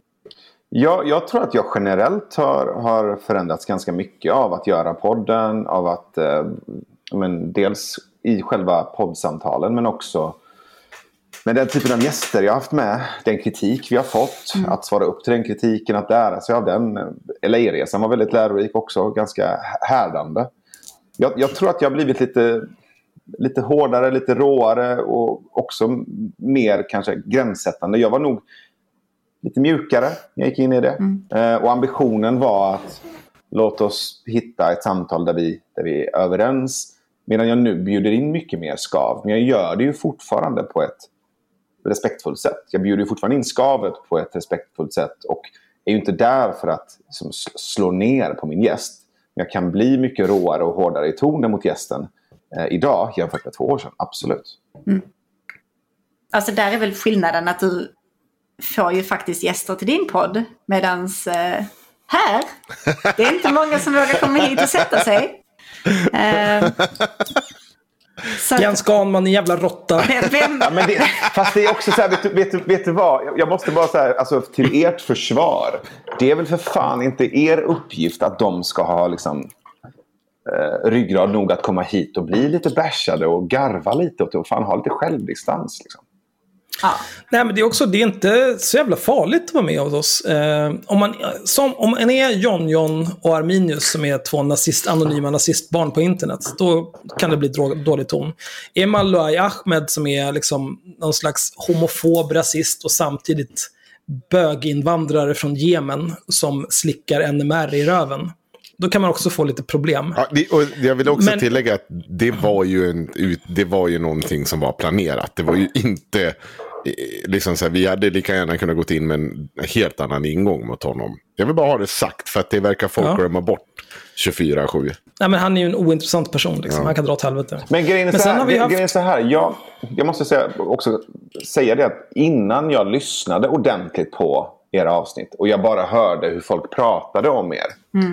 Då lät det som att ni var bara dumma i huvudet och gormade åt folk. Och sen, jag tror det var först inför att eh, Henko skulle vara med i Hur kan vi? Och sen så har jag ju liksom lyssnat på er. Jag tycker ju att ni är skitkul och bra. Jag gillar ju... Äsch! Nej men alltså, på riktigt nu. Det är, klart att, det är klart att ibland så gör ni det lite för svårt för er själva att kanske få gäster. Och det, det jag menar, hela liksom, ho- horungebingon å, å, å ena sidan. Liksom. Men en- det ni väl gör när ni går på gästerna, till exempel avsnittet med Cissi Wallin, alltså att ni inte släpper taget om. Ni är som en jävla pitbull som bara så här greppar tag och biter till. Liksom. Nej, men det är ju, det är ju asnice att det finns en sån brutal och rå ton. Men det finns hela tiden den här balansen mellan vad som är liksom fullständigt bara... Det, det, det, det är pubertalt och bara onödigt. Men sen så finns det ju en råhet och brutalitet som jag absolut inte tycker ni ska göra av med. Nej, det, vi kommer aldrig förändra det här formatet så länge jag lever, det kan jag säga på en gång. Och jag är vd för Haveristerna Media Group. så Nej, det jag blir tror också jag att det blir svårt att vi någonsin gör det. För, Men- Nej, men vi, vi, vi kommer aldrig kunna Men... bli någon typ av samtalspodd och sitta och mysa med folk. Det går inte. Ja, det, det gör ni ju nu. Jag är fortfarande besviken. Jag, jag, kan du inte bara säga horungen till mig en gång, Axel? En gång. Nej, det måste komma naturligt. Alltså, när jag var med i Jannik Svenssons podd, Ja. Då, då satt han och suktade efter att jag skulle säga neger. Oj, ja. Eh, han bad mig, kan, kan inte du säga det? Kan inte säga så här? Och då sa jag det. Och då kände jag mig som eh, den billigaste byhoran på jorden. Så nästa gång jag säger någonting om någon, då måste det komma naturligt. Så du menar att jag Men måste du- förtjäna det? Jag ska göra någonting så att du kallar mig Alltså, det? du får, om du säger någonting riktigt jävla dumt. Det är också... Eh, Vi har en stund kvar. Det kan gå. den här är ju... Nu har jag snart tagit med Har, en, har du sett flaska hans vin. eh, Rolex eller Navid? Den, den är lite liten. Då brukar man bli kallad horunge om man, om man nämner att Ja, oj, har du ingen härklocka? Men jag har, lite, jag har också kritik till er. Ja, Ehm, kör lite kritik. För att den här råheten och brutaliteten. Om, om man lyssnar på många avsnitt av Haveristerna, vilket jag har gjort. Då, då finns det ju en råhet ni har när ni pratar om människor när de inte är med. Och sen finns det en annan råhet som ni har när de är med. Eh, när de inte är med så pratar ni om dem helt gränslöst. Det är brutalt och det är rått och det är hat. När de är med så är det förakt. Det är det tillbakahållna hatet. Man hör hur ni sitter och så här. Mm, mm, eller hur, din lilla hora. Alltså, det, det, det sägs Jo, inte det- på samma sätt. Det, det- är det är en, tillbakahållet. eh, Sättet ni pratar om Cissi Wallin när hon inte är med och sättet ni pratar med Cissi Wallin när hon är med är två olika saker. Ja, ja Jo, okej. ab- Ja. men det är ju, eller från, från min sida. Eh, just Cissi Wallin, det är ju en person som vars hela liv är baserat på att göra saker i affekt. Hon har aldrig, hon har aldrig fattat ett medvetet beslut i sitt liv. Allting är en reaktion på yttre stimuli och imaginära oförrätter. Så det jag tänkte det var, det är sjukt att Cissi Wallin vill vara med här. För att det, det kommer inte bli bra för henne. Min tanke var bara att jag som är... Mm, jag, jag kan i och för sig också vara, agera mycket i affekt, men det är för att jag tillåter mig att agera i affekt. Särskilt när vi spelar in podden. Jag kan lika gärna skita i det, liksom. det, det är inte viktigt för mig, men det är roligare att agera i effekt. Men då, jag klarar av att bita Sissi när jag pratar med henne. Det gick kanske lite sämre för Henrik den sista timmen. När de bara satt och skrek åt varandra. Du är obehaglig, du är obehaglig, nej du är obehaglig. Men, Men, men, men kolla här. syftet med det, det, det, blir liksom, det hade varit en meningslöst att ha med Cissi Wallin om det bara hade varit att till exempel jag satt och skrek att hon var en äcklig jävla horunge som ljuger, manipulerar och exploaterar alla Fair hon träffar för att hon är psykotiskt visst. jävla svin. Visst, men det blir ju en märkbar dissonans bara i det jag säger. Det är ena. Det är Ja, men det- egentligen inte min kritik. Det var bara en observation. Jag kommer till Ja, okej. kritiken. Ja, kom till kritiken. Kritiken är, med tanke på hur mycket ni har gjort kring Cissi Wallin och hur mycket ni har sagt om Cissi Wallin. Och sen så reagerar hon på det som Cissi Wallin. Och sen Mm. whinar ni kring det. Vad gjorde vi? Sen whinar ni kring Jaha. att hon beter sig som Cissi Wallin. Jo, men det, jag kan svara på Hon har det. hotat er, hon har betett sig illa. Ni har ju gjort sjukt mycket research på henne. Ni har pratat med henne hur många gånger som helst. Ni vet hur hon är. Och så, sen vadå, blir ni förvånade över att hon beter sig så- som Cissi Wallin? Ja, okej. Nej, Va? jag... eh, Ja, i och för sig. Jag blev lite förvånad. Nej men kom igen! Nej, men- ni kan inte men det är gnälla. skillnad. Ni kan Nej, men inte jag- gnälla kan- över att Cissi Wallin beter sig Nej, jag som... gnäller inte. Absolut inte. Eh, men däremot, jag kan, jag kan säga skillnaden. Skillnaden, när vi har pratat med folk som har haft med Cissi Wallin att göra, liksom i eh, privat eller i, i, i någon typ av föreningar eller någonting. Då har det varit så här, ja men Cissi hon, hon ljuger oavbrutet. Ingenting hon säger går att lita på. Eh, olika typer av avtal, det är bara skit. det, allting är skräp. Um, det är som Superturken till exempel. Elsim, jag kommer jag har glömt vad hon heter efternamn. Yilmaz. Yilmaz. Yilmaz. Att hon ljuger ihop en historia om att hon ska ha förskingrat 50 000 kronor som Ja, inte det är är, mycket sant. mer egentligen och ljuger om att hon har förskingrat. Ja, Hon ja. har ljugit om hur mycket som helst. Eh, men eh, när, eh, när Cissi Wallin kände att nu är det dags, nu ska vi ta itu med haveristerna. Då anklagade ju hon eh, mig och Henrik, eller mig egentligen, för att vara våldtäktsman. Och då kände jag så här, fan. Det här är lite mycket alltså. Är det verkligen... Det här hade inte jag riktigt förväntat mig, att du var så här jävla sjuk i huvudet. Men jag tänkte också så här, ja men Cissi. Det här är ju inte... Det tar liksom inte slut här. Utan om du eskalerar, absolut. Jag går tre trappor över dig. Nu kör vi det här tills någon av oss är död. Jo, och Nu åker vi. fair enough. Men gnäll inte om det då. Ja, men jag, jag kommit, jag, jag ska Nej, men, tillägga. men, Ja. Får jag fråga, vad, vad skulle du säga någon av oss har sagt som är gnälligt om det? Nej, men gnället är ju varför håller hon på och liksom härjar på er? Det vet ni ju.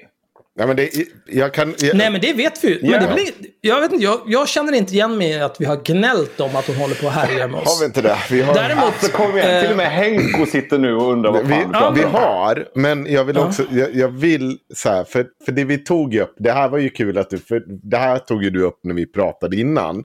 Och jag, du, jag var inte beredd på den här poängen. Jag ser poängen, jag, jag skrattar åt den och det, du har, som, du, har, du har till viss del rätt. Det, vi borde ha förstått bättre att det, det kunde balla ur på det här sättet. Men då måste man ju backa bak bandet och säga så här. Vad var det vi gjorde för någonting? Jo, vi gav en bunt människor en röst. Som hade liksom på ett eller annat sätt jobbat ihop med Cissi Wallin. Vi gav dem en röst genom haveristerna. Vi gav dem deras berättelse som de alla hade fått berätta. Vi, vi hade fått höra allt det här. Precis som du säger. Du har ju 100% av poängen. Att hon var så otroligt gränslös. Hon skulle vara så otroligt galen. Och de, hon hotar, hon gör det här. Och sen bara, när hon vänder det mot oss, in, i det mest privata i mitt liv, Axel som våldtäktsman och allt där, så, vi, så står vi där som liksom Pikachu förvånade och bara, wow, kunde hon vara så här galen? Och det finns ju en poäng i det. det, är- Men det, det, det är ju liksom den här lilla pojken som står och petar med en pinne i ett getingbo och blir stucken. Och sen bara, varför stack de mig? För det är getingar! Det är vad de Ja. gör. D- Sant, men i det här fallet så är det inte människor som... Alltså det, är, det här är också en person som inte är liksom skriven som en... Avskriven som en människa som inte kan leva i samhället. Utan det här är en människa som har full rösträtt, den har full liksom, kapacitet att agera och vara. Och en hur ledande mycket, för hur mycket av er kritik har inte handlat om att ni tycker att hon är gränslös och galen? Och sen så beter hon sig gränslöst och galet mot er. Jo, jo. Jag, jag säger... Ja, jag, men, det var, det, men det var så otroligt gränslöst. jag, jag kan tillstå att det absolut att det förvånade mig att, att hon helt saknar spärrar. Jag tror ju ni Eh, går igång det- på det här. Jag tror ni går igång på kaos. Kan ni inte bara erkänna det? Nej, det går igång. Inte kanske. min Jag, jag älskar i och för sig konflikt. Ja. Det kan jag glatt Ja. erkänna. Det har jag inga som helst problem med att erkänna. Jo, men det är ju lite kickigt också för er. Ni kickar Nej. ju igång på kaos och konflikt. Men, men anledningen till att jag tycker att konflikt är i den form vi har konflikter inom haveristerna, eller med haveristerna ska jag säga, är att jag vet ju att när, eh, när till exempel Cissi Wallin gör sådär, då kan ju vi... Eh, jag vill i och för sig inte göra det, men vi kan bida vår tid. Och sen så när, när liksom Cissi Wallin trodde kanske att eh, ja, men nu är det färdigt, nu håller de käften. Då kommer släggan. Se fram emot nästa Patreon-avsnitt om du hatar gardet. Men, Det ja. händer. Nej, men det, Ja. Men det är ju, alltså det, det, det, det var det jag var inne på med att eftersom Cissi Wallin alltid agerar i affekt. Hon, hon klarar inte av att planera. Hon skulle säkert, om, om hon hade förmåga att planera liksom tio dagar framåt, då skulle hon kunna göra våra liv oändligt mycket mer fruktansvärda än vad hon har gjort dem. Men hon klarar inte det. Men, Det enda hon kan är bara springa ut på Instagram, grina om någonting. Och sen är det vidare till nästa oförrätt. Alltså det blir ju sån himla skillnad också. Ni alla tre har ju varit på internet och i de här kretsarna mycket längre än vad jag har. Alltså detta är mitt tionde avsnitt. Så jag har inte varit Yay! med här så himla länge liksom. Så för mig blir det så sjukt när, när någon skriver mitt namn eller när någon pratar om mig. Eller alltså jag blir helt... Det är skitkonstigt. Jag har liksom ingen aning om vem den här jävla främlingen är som sitter och yttrar sig om mig just nu. Och det har ni varit med om lite längre. Men jag tror att det blev lite grann samma grej när Cissi sen gick balls to the walls och bara våldtäktsmän liksom. För det är sån... Det är sånt jävla hopp från tidigare liksom. Mm. Att det blir kanske inte att ni var så förvånade över just att, att Cissi var gränslös, att Cissi skulle göra det. Utan att ni var förvånade över att det skulle träffa er själva på det sättet liksom. För det är jag. Det är jag. Men, ja. Jo, nej men det, jag kan, ja, jag accepterar det. Jag blev en smula förvånad över att bli anklagad för att vara våldtäktsman. Det här var Du inte blev riktigt vad jag hade väntat mig den dagen. Det. Eh, det blir ju ingen veckans Sissi i det här avsnittet. Men om Sissi Wallin har betett sig illa mot dig, kära lyssnare, mejla till haveristerna.protonmail.com och berätta allt om det. Till skillnad från gardet kan vi eh, garantera anonymitet. Vi kommer inte läcka någonting du säger till oss till olika typer av transsexuella våldtäktsman som häller ute på Flashback direkt. Okej, bra. Då går vi vidare.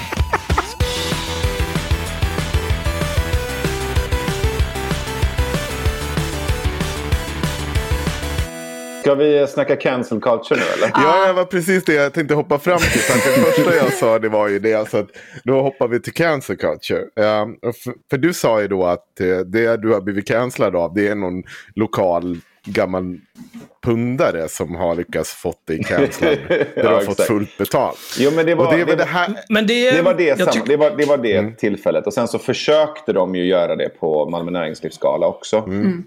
Eh, och sen så har det skett vid ett tillfälle till där kunden då in, var på väg att boka mig men sen så eh, var det någon gäst, jag tror det var typ Dan Park som skulle vara med. Och sen så, ah, just det, du, har, just det, du pratar med sådana människor. Nej, men vi, vi ska nog inte ha det, vi ska ha en annan person. Ja, och, och jag vill också poängtera, jag har ingenstans i det här samtalet sagt att jag har blivit utsatt för cancel culture. Jag sa att jag blev avbokad, men jag vill gärna prata om begreppet.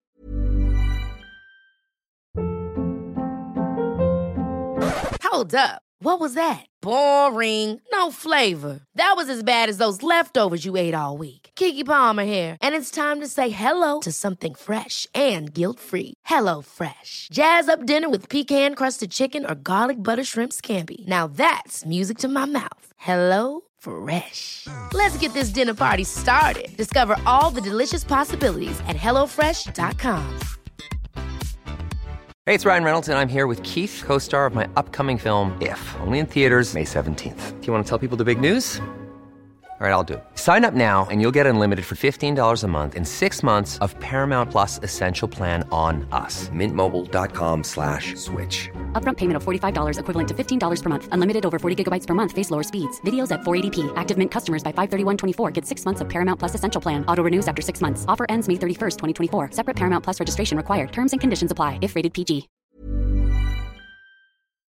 Cancel culture. Och jag tänkte att vi ska hoppa över till det. För jag tänker inte avkräva dig det. Utan just det här. Jag tror att vi fann någon slags common ground i att. Vad är egentligen svensk ca- cancer cu- culture? Och vad, vad är det någonstans som har hänt? När det väl kommer till kritan. För att när man, så fort jag uppfattar det som att när man börjar skrapa på ytan av att någon har skrikit cancer culture. Så är det just det här. Det är någon som har varit på väg.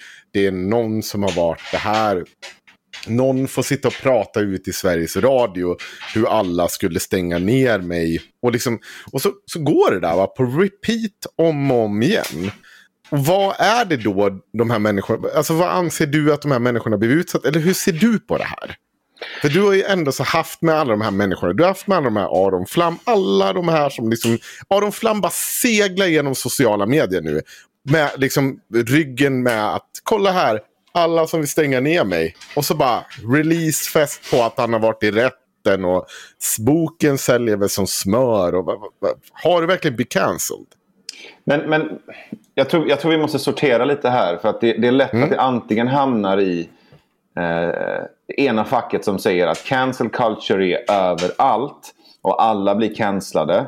Och sen så de som säger cancel culture finns inte, det är bara påhittat. Och bara för att inte hamna i de här två svartvita lägena så måste vi titta på olika exempel. Var för sig, prata om dem och sen prata om huruvida de överhuvudtaget hänger ihop med en sammanhängande berättelse eller inte. Och om vi tar Aron Flam som exempel.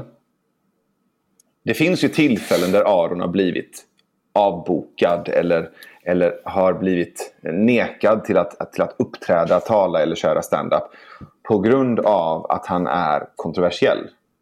Ehm, jag tror att det var, senast var det väl på ett, eller ett par universitet där de inte, studentkårerna fick inte ta in honom för att han var Aron Flam. Ehm, Men är, är det ett problem? det, alltså jag, jag är inte ens in, intresserad av i det här läget att prata om huruvida det är ett problem eller inte, utan snarare är det ett fenomen eller inte. Ja, men det är det. Det tror jag vi kan vara överens om allihop. Okej, men häng, och hänger det här fenomenet ihop på något sätt? Eller är det bara en massa spridda scenarion, en massa spridda händelser. Så om du sätter ihop dem till en berättelse kan föra fram din sak.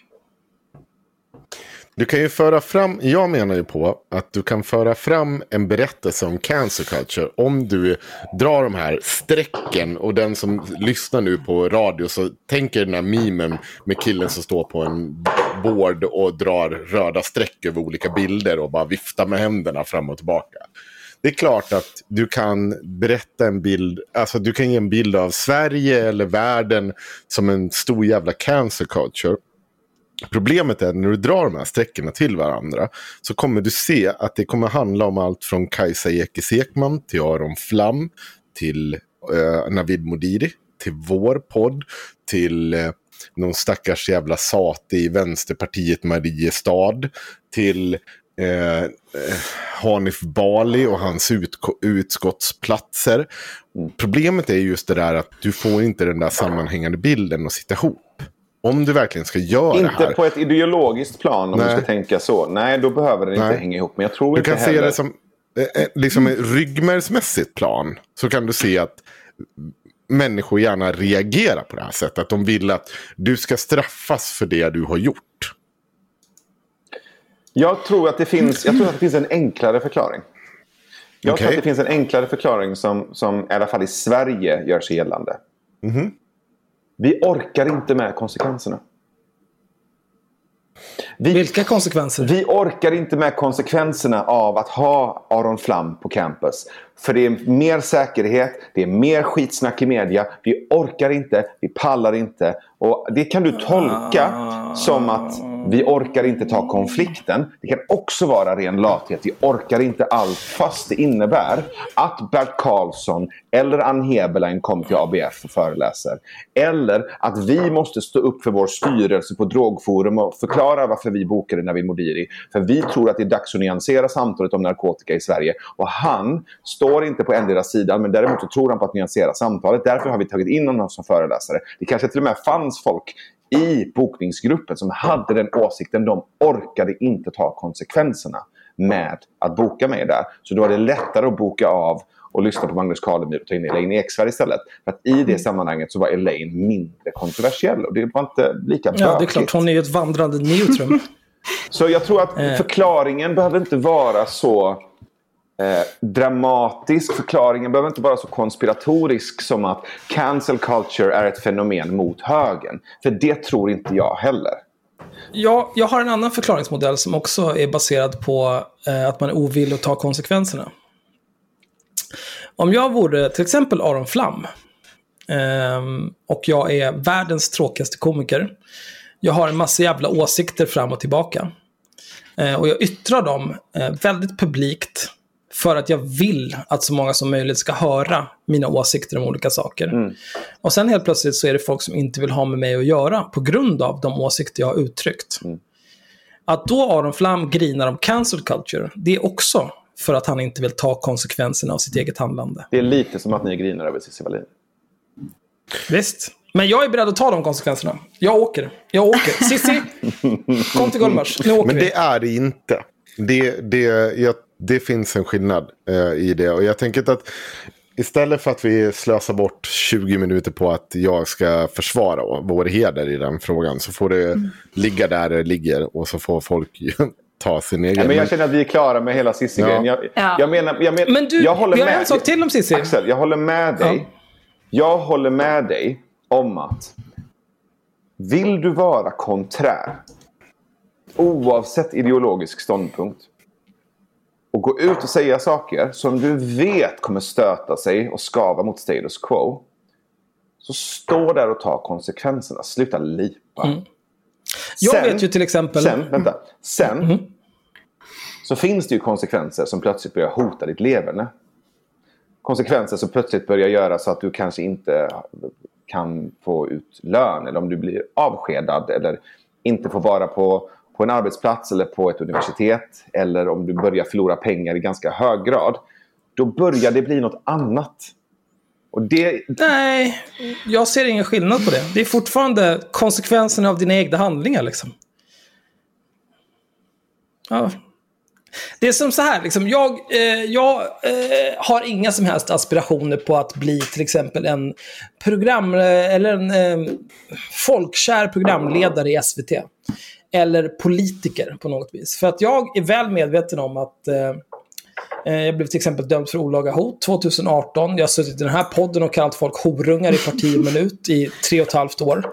Jag vet att det är helt omöjligt för mig att eh, bli, jag vet inte, nästa Loket eller eh, eh, kandidera till riksdagen. Det går inte. annars, hade, accepter- an, annars hade det varit ett alternativ. Nej, det hade, jag hade teoretiskt sett kunnat Teoretiskt göra sett, det. enough. Teoretiskt sett. Men nu, jag accepterar att det inte längre är rimligt. Mm.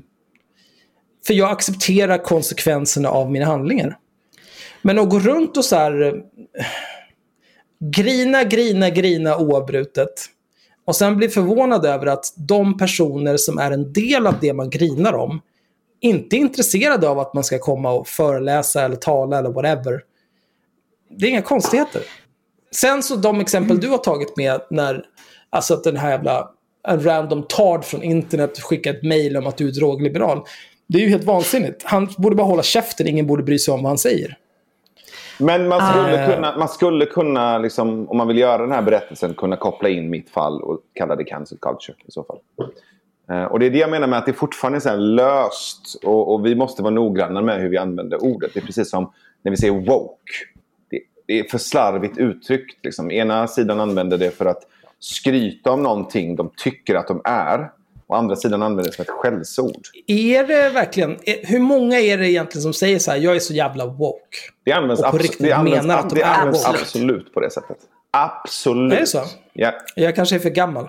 Ja, det används alltså, definitivt på det sättet. Och Jag har aldrig hört någon säga det, men jag litar på er. Det, är, samma- alltså jag tycker ju så här att som, som privatperson så kan du cancella vem du vill. Vill du inte titta på den personen för att den är, har gjort någonting vidrigt eller jag till exempel kan inte titta på Ernst för att alltså hans fötter freaks me out man. Super cancelled i mitt hus. Har han Super hallux valgus? cancelled. En, nej, det har han inte.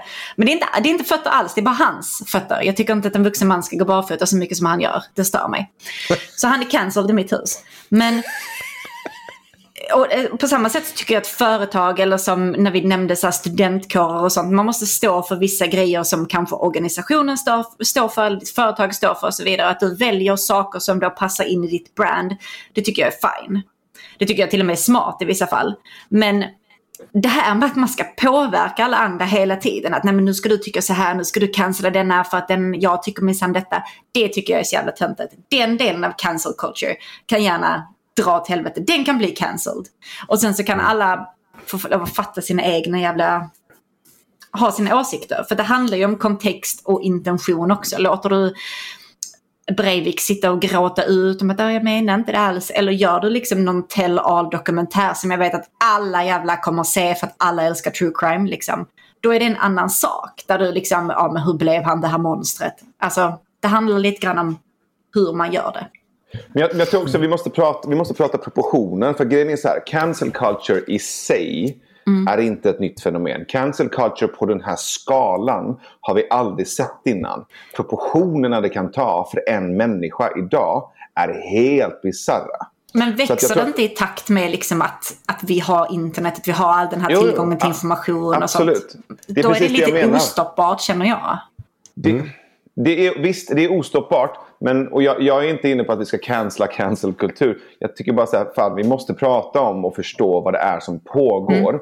Och det finns någonting kring den stora massans ostoppbara galenskap. När de agerar, inte bara en person i affekt. Ja. Utan 100 000, 200 000 människor i affekt. Du pratade tidigare Sanna om att är man ny i, det här, eh, i den här svängen av att säga eh, råa saker och sen få folk emot sig så kan det vara ganska uh, svajigt och vad fan är det som händer? Tänk då liksom när det är så här 2, 3, 400 000 människor som plötsligt bara så ger sig på dig. Det Precis. spelar ingen roll vem du är, det kommer vara jävligt obehagligt att vara med om en sån upplevelse. Och på den skalan har vi inte sett det innan. Nej, och, och det, ett problem är att vi inte omdefinierar vad en person i offentligheten är heller. För att eh, med de sociala medierna så har vi helt plötsligt människor som är relativt liksom Ja men för de som ska i slutändan avgöra om det är offentliga personer. Det vill säga medier av olika slag. De kan vara helt okända för dem. Men ha en följarskara på liksom 50 till en miljon människor bakom sig. Och de är fortfarande relativt okända. Det var, jag bara hörde på P3 idag, Sveriges kändaste influencer, jag hade inte hört talas om henne, 8 miljoner följare. Man bara, var det? what? Eh, jag kommer inte ihåg vad hon hette, men jag vet att eh, Hanna, eh, hon som sitter i P3, Hanna, bak efternamnet. Eh, Vem fan Hedlund. på radio? Nej, he, inte Hedlund. Hanna, eh, Hanna som är... Sitter som inte Hanna Hedlund i DN. P3? Nej, D- DN och skit. Skit är samma. Hon vart också så här ställd över den här personen. Likväl som jag var. Mhm. För att vi har liksom så här. Med sociala medier så har hela den grejen eh, fått ett nytt begrepp. Att det är inte normalt att eh, Johan Eriksson från Falun har 10 000 följare. 10 000 följare är ganska mycket. Okej, Det- Hen- det är- Hen- Henko, vem är den största manliga influencern i Sverige idag, tror du? Oj, ehm... Oj, gud vad inte det svårt. typ, eh, kan det vara... Vad fan heter han? Jockiboi? Det måste ju vara han. Nej, jag tror att det finns någon annan typ så här snygg Ah, kille. det, här var, det, här var på, förlåt, det här var på Instagram. På Instagram. Ja. Sorry. Det här, men apropå människor som inte har en aning om det. Får jag, får jag gissa på persontypen? Ja, Ehm, du kommer ha fel. åh nej. Oj. Okej, jag Men kommer vänta, gissa ändå. influencer. Alltså, Största manliga influencer på Instagram och Axel kommer ha Men- fel. Okej, jag kommer gissa på två personlighetstyper. Det ena är eh, en yngre, jag tänker kanske... Nej, för sig inte så ung. 20-25. Det kan inte vara under 20 för de håller inte på med Instagram, de kör TikTok. 20-25, kanske lite metrosexuell. Gör eh, roliga grejer, Alltså, som, du, du har sketcher. fel. Du har bingo. Du har fel i bingo, är fel i kvadrat. Det är alltid fel. det är, han, det är någon sån humor... ehm, Nej, nej. Okej, men säg då. Han, han är... Nej, får jag gissa igen? nej men Axel, Du kommer fel. Nej, men vad fan. gissa. Är, är det någon som... Eh, det måste ju vara någon typ av träningsidiot Nej, i så fall. nej. Vad fan! Vem är det? Största manliga influencer på Instagram 2020 i Sverige kallar sig Kristoffer Collin. Han heter Kristoffer Collin och kallas för Visslaren med W. Han har 1,1 miljoner följare. Han är före detta kyrkovaktmästaren. Eh, Kyrkogårdsvaktmästaren som idag lever på att lägga upp vackra naturbilder från resor. Jag ska Han har skrivit en och bok som heter Instagram Change My Life. Skjut mig i huvudet. Så fel. Allt var fel. Ja, jag, hade, jag var på väg att sticka in Bingo Romér, men jag hade något i bakhuvudet. Han har inte så mycket följare. Det här låter helt sinnessjukt. Nej, det är nog inte jättemånga som som Alltså det här, det här är ju väldigt wholesome. Men det är inte vad jag tänker på när jag tänker på influencer. Då tänker jag så här reklamsamarbeten och... Absolut. Ex on the beach. Gamla Ex on the beach-deltagare. Precis. Har inte Paradise Hotel börjat Ja, igen? ja, ja. Jo, jag tänkte precis Säg säga ingenting, att... jag har inte sett denna veckans Nej, avsnitt. nej, nej. Jag har inte heller sett ja, det, men nej. jag vill bara säga så här. Jag trodde att du skulle eh, rösta på karaktären Paradise Hotel-karaktären. Att det skulle vara en av de största. Ja, det nej, de är bara småpotatis, det vet väl vem som helst. Nej, de kommer ingenstans. Det är samma sak som det har varit sedan liksom 90-talet med baren. De är med en säsong, sen åker de upp till Åre och kändisbartendrar, knullar runt, super skallen av sig och sen bara försvinner de. Eh, då är vi inne på det manliga idealet. Och Navid har ju startat någon typ av mansrörelse. Eh, och jag har två frågor på det. Får du vara med? första är, ja, men det, första, ja, precis, nej, men det första är, vad är det du har skapat för någonting? Och hur skiljer sig det från tidigare olika typer av mansrörelser där man står och skriker i kör? Det, varför kom så här? Hur kom det sig att du behövde göra det här nu helt plötsligt? Alltså, jag hade med Mårten Granlund som gäst i Hur kan vi i november förra året. En ung kille från Vadstena som startat en organisation som heter Under Kevlaret. Och han startade den organisationen för att han... Låter som ett mordhot. I din värld Axel, i din värld. Ja. Alltså i, eh, i eh, jag tror det var på gymnasiet så var det en av hans bästa kompisar som berättade att han hade försökt ta livet av sig ett par år tidigare. Men inte berättat det för sina polare. Och Mårten blev skitledsen för att han undrade hur kommer det sig att du inte kunde berätta att du mådde dåligt. Att du inte kunde berätta en sån jobbig sak för mig. Och sen så började han läsa på lite och insåg att men fan, snubbar har inte lätt att prata om saker. Eh, om känslor, om när de mår dåligt. Så han med en mamma då, som jobbar med non-violent communication, som varit ute och föreläst mycket om kommunikation och kroppsspråk. Och sådär. Så, så pratade han med henne och så sa han, jag vill göra någonting. Jag vill, jag vill underlätta för unga killar att, att prata om när de mår dåligt så de slipper ta ihjäl sig. Eller eh, ta livet av sig. Så han startade under kevlaret egentligen som en chatt. Så han började chatta med killar som han typ gameade med. Och bara, ah, du förresten, hur mår du? Och började prata med de här killarna som alla andra kallar för jävla incels eller du vet, uh, unga arga vita män. Han började snacka med dem och så föddes Under kevlaret. Mårten var med i Hur kan vi? Vi pratade maskulinitet. Vi blev kompisar. Under corona... Låter som grooming. Vad sa du? Låter som grooming. Han, var 25, han sa att han var 25. Ja, han sa att han var Han 25. sa att han var 25. ja, det. Jag dömer inte. Jag bara... Du bara planterar den lite där ifall någon skulle Nej, jag bara, jag bara säger det. Hella sass alltså. Så, eh, så att jag och Mårten blev kompisar. eh, Vi började hänga och sen så under corona så eh, både la vi märke till i vår egen umgängeskrets men också läste att, att den psykiska ohälsan bland män och även självmordsfrekvensen började sakta gå uppåt och även våld i hemmet. Och det var en massa olika effekter kopplat till mäns psyke. Och så insåg vi också att många av de här männen kommer inte komma iväg till sina respektive mansgrupper. Och kanske även finns de som aldrig ens har förstått att det, att det finns. Så vi kom på att men vi kan väl testa och se om det finns något intresse. Om vi bjuder in till ett samtal bara. Vi bjuder in de män som känner sig ensamma och som känner att de behöver prata. Så bjuder vi in till ett samtal och så ser vi till att leda det samtalet och se vad de behöver prata om. Och så slipper de kä- känna sig ensamma i karantänen. Och det kallade vi för storebror. Eh, Och syftet var att här, kan vi vara mer som storebröder åt varandra? Vi kan vara råa, vi kan, vi kan ha humor och vi kan stötta varandra till att bli bättre män. Det var egentligen startskottet för storebror. Och vi körde på Zoom. Det kom tror jag 20-30 man och nu har det bara fortsatt. I söndags var vi 80, 80 man tror jag. Ja, 70 pers inne samtidigt. Ja. Hur, hur länge kör ni? Vi kör en och en halv timme.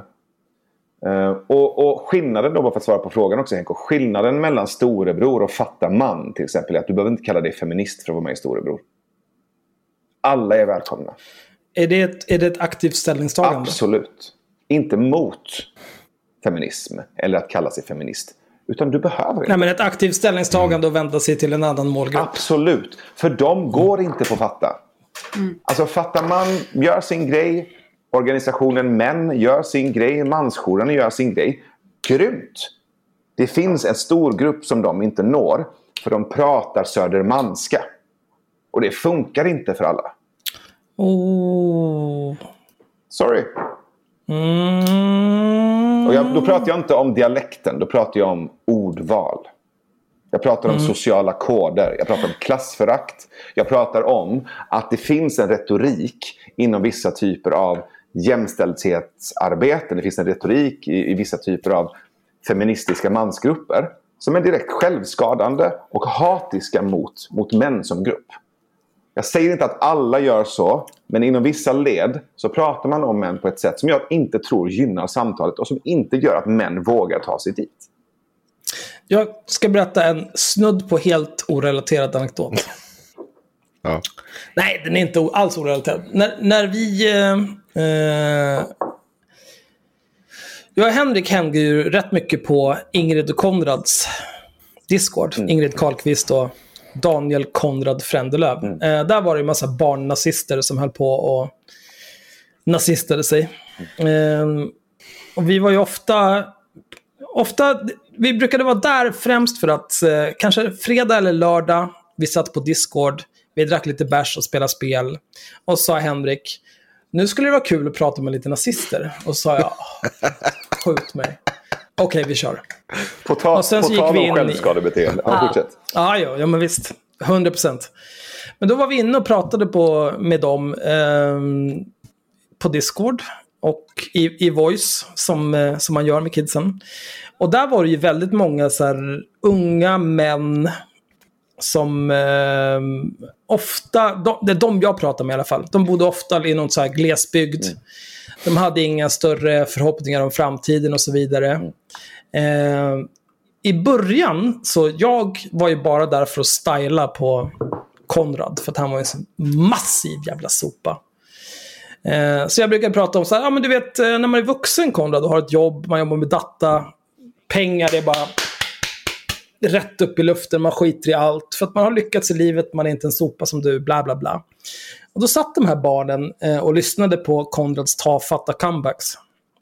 Och sen av några av dem, jag ska inte säga alla, ja fan alla bara flockade. Nej men det var två, tre kanske. De, brukade, de skickade PM till mig. Så ja, vad jobbar du med? Så ja, datta, datta, det här.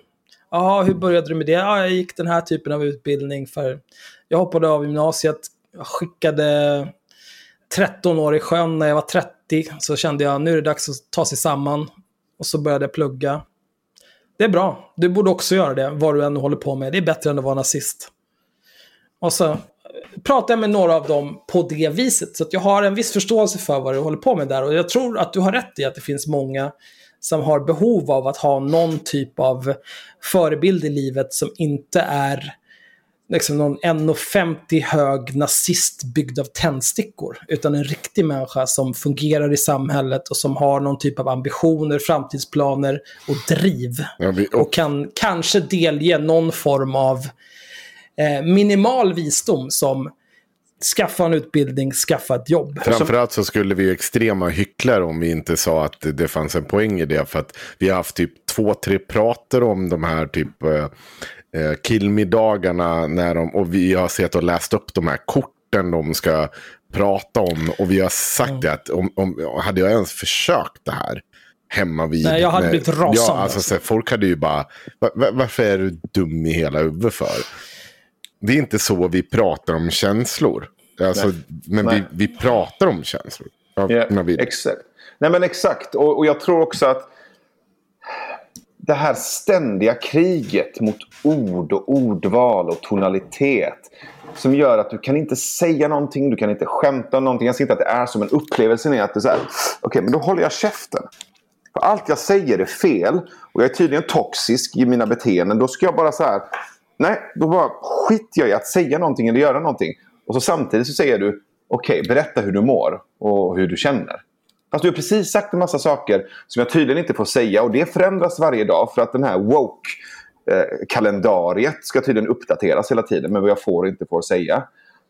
Jag säger inte att det är så, men jag tror att upplevelsen många unga killar har är Fuck it! Det är, varför ska jag gå på en jävla killmiddag? Jag kommer ändå säga fel. Jag kommer klä mig fel, jag kommer säga fel, jag kommer göra fel. Och det vi Kan försöker man- göra det vi försöker göra är att så här, vet du vad? Vi svär, vi är dumma i huvudet, vi är råa, vi, vi är störda och vi kan prata om känslor. Du behöver inte kalla dig feminist. Eh, vi, vi tycker också att det här med toxisk maskulinitet, det samtalet ibland kan gå lite överstyr. Och även samtalet om patriarkatet kan bli lite överdrivet animerat. Så kom hit och prata bara så här. Vi använder andra ord. Vi säger prata om känslor istället för att säga sårbarhet.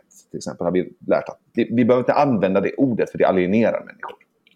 Så det är det vi Men försöker göra. är, är inte att inte kunna prata om att vara sårbar, är inte det en del av toxisk maskulinitet och patriarkatet?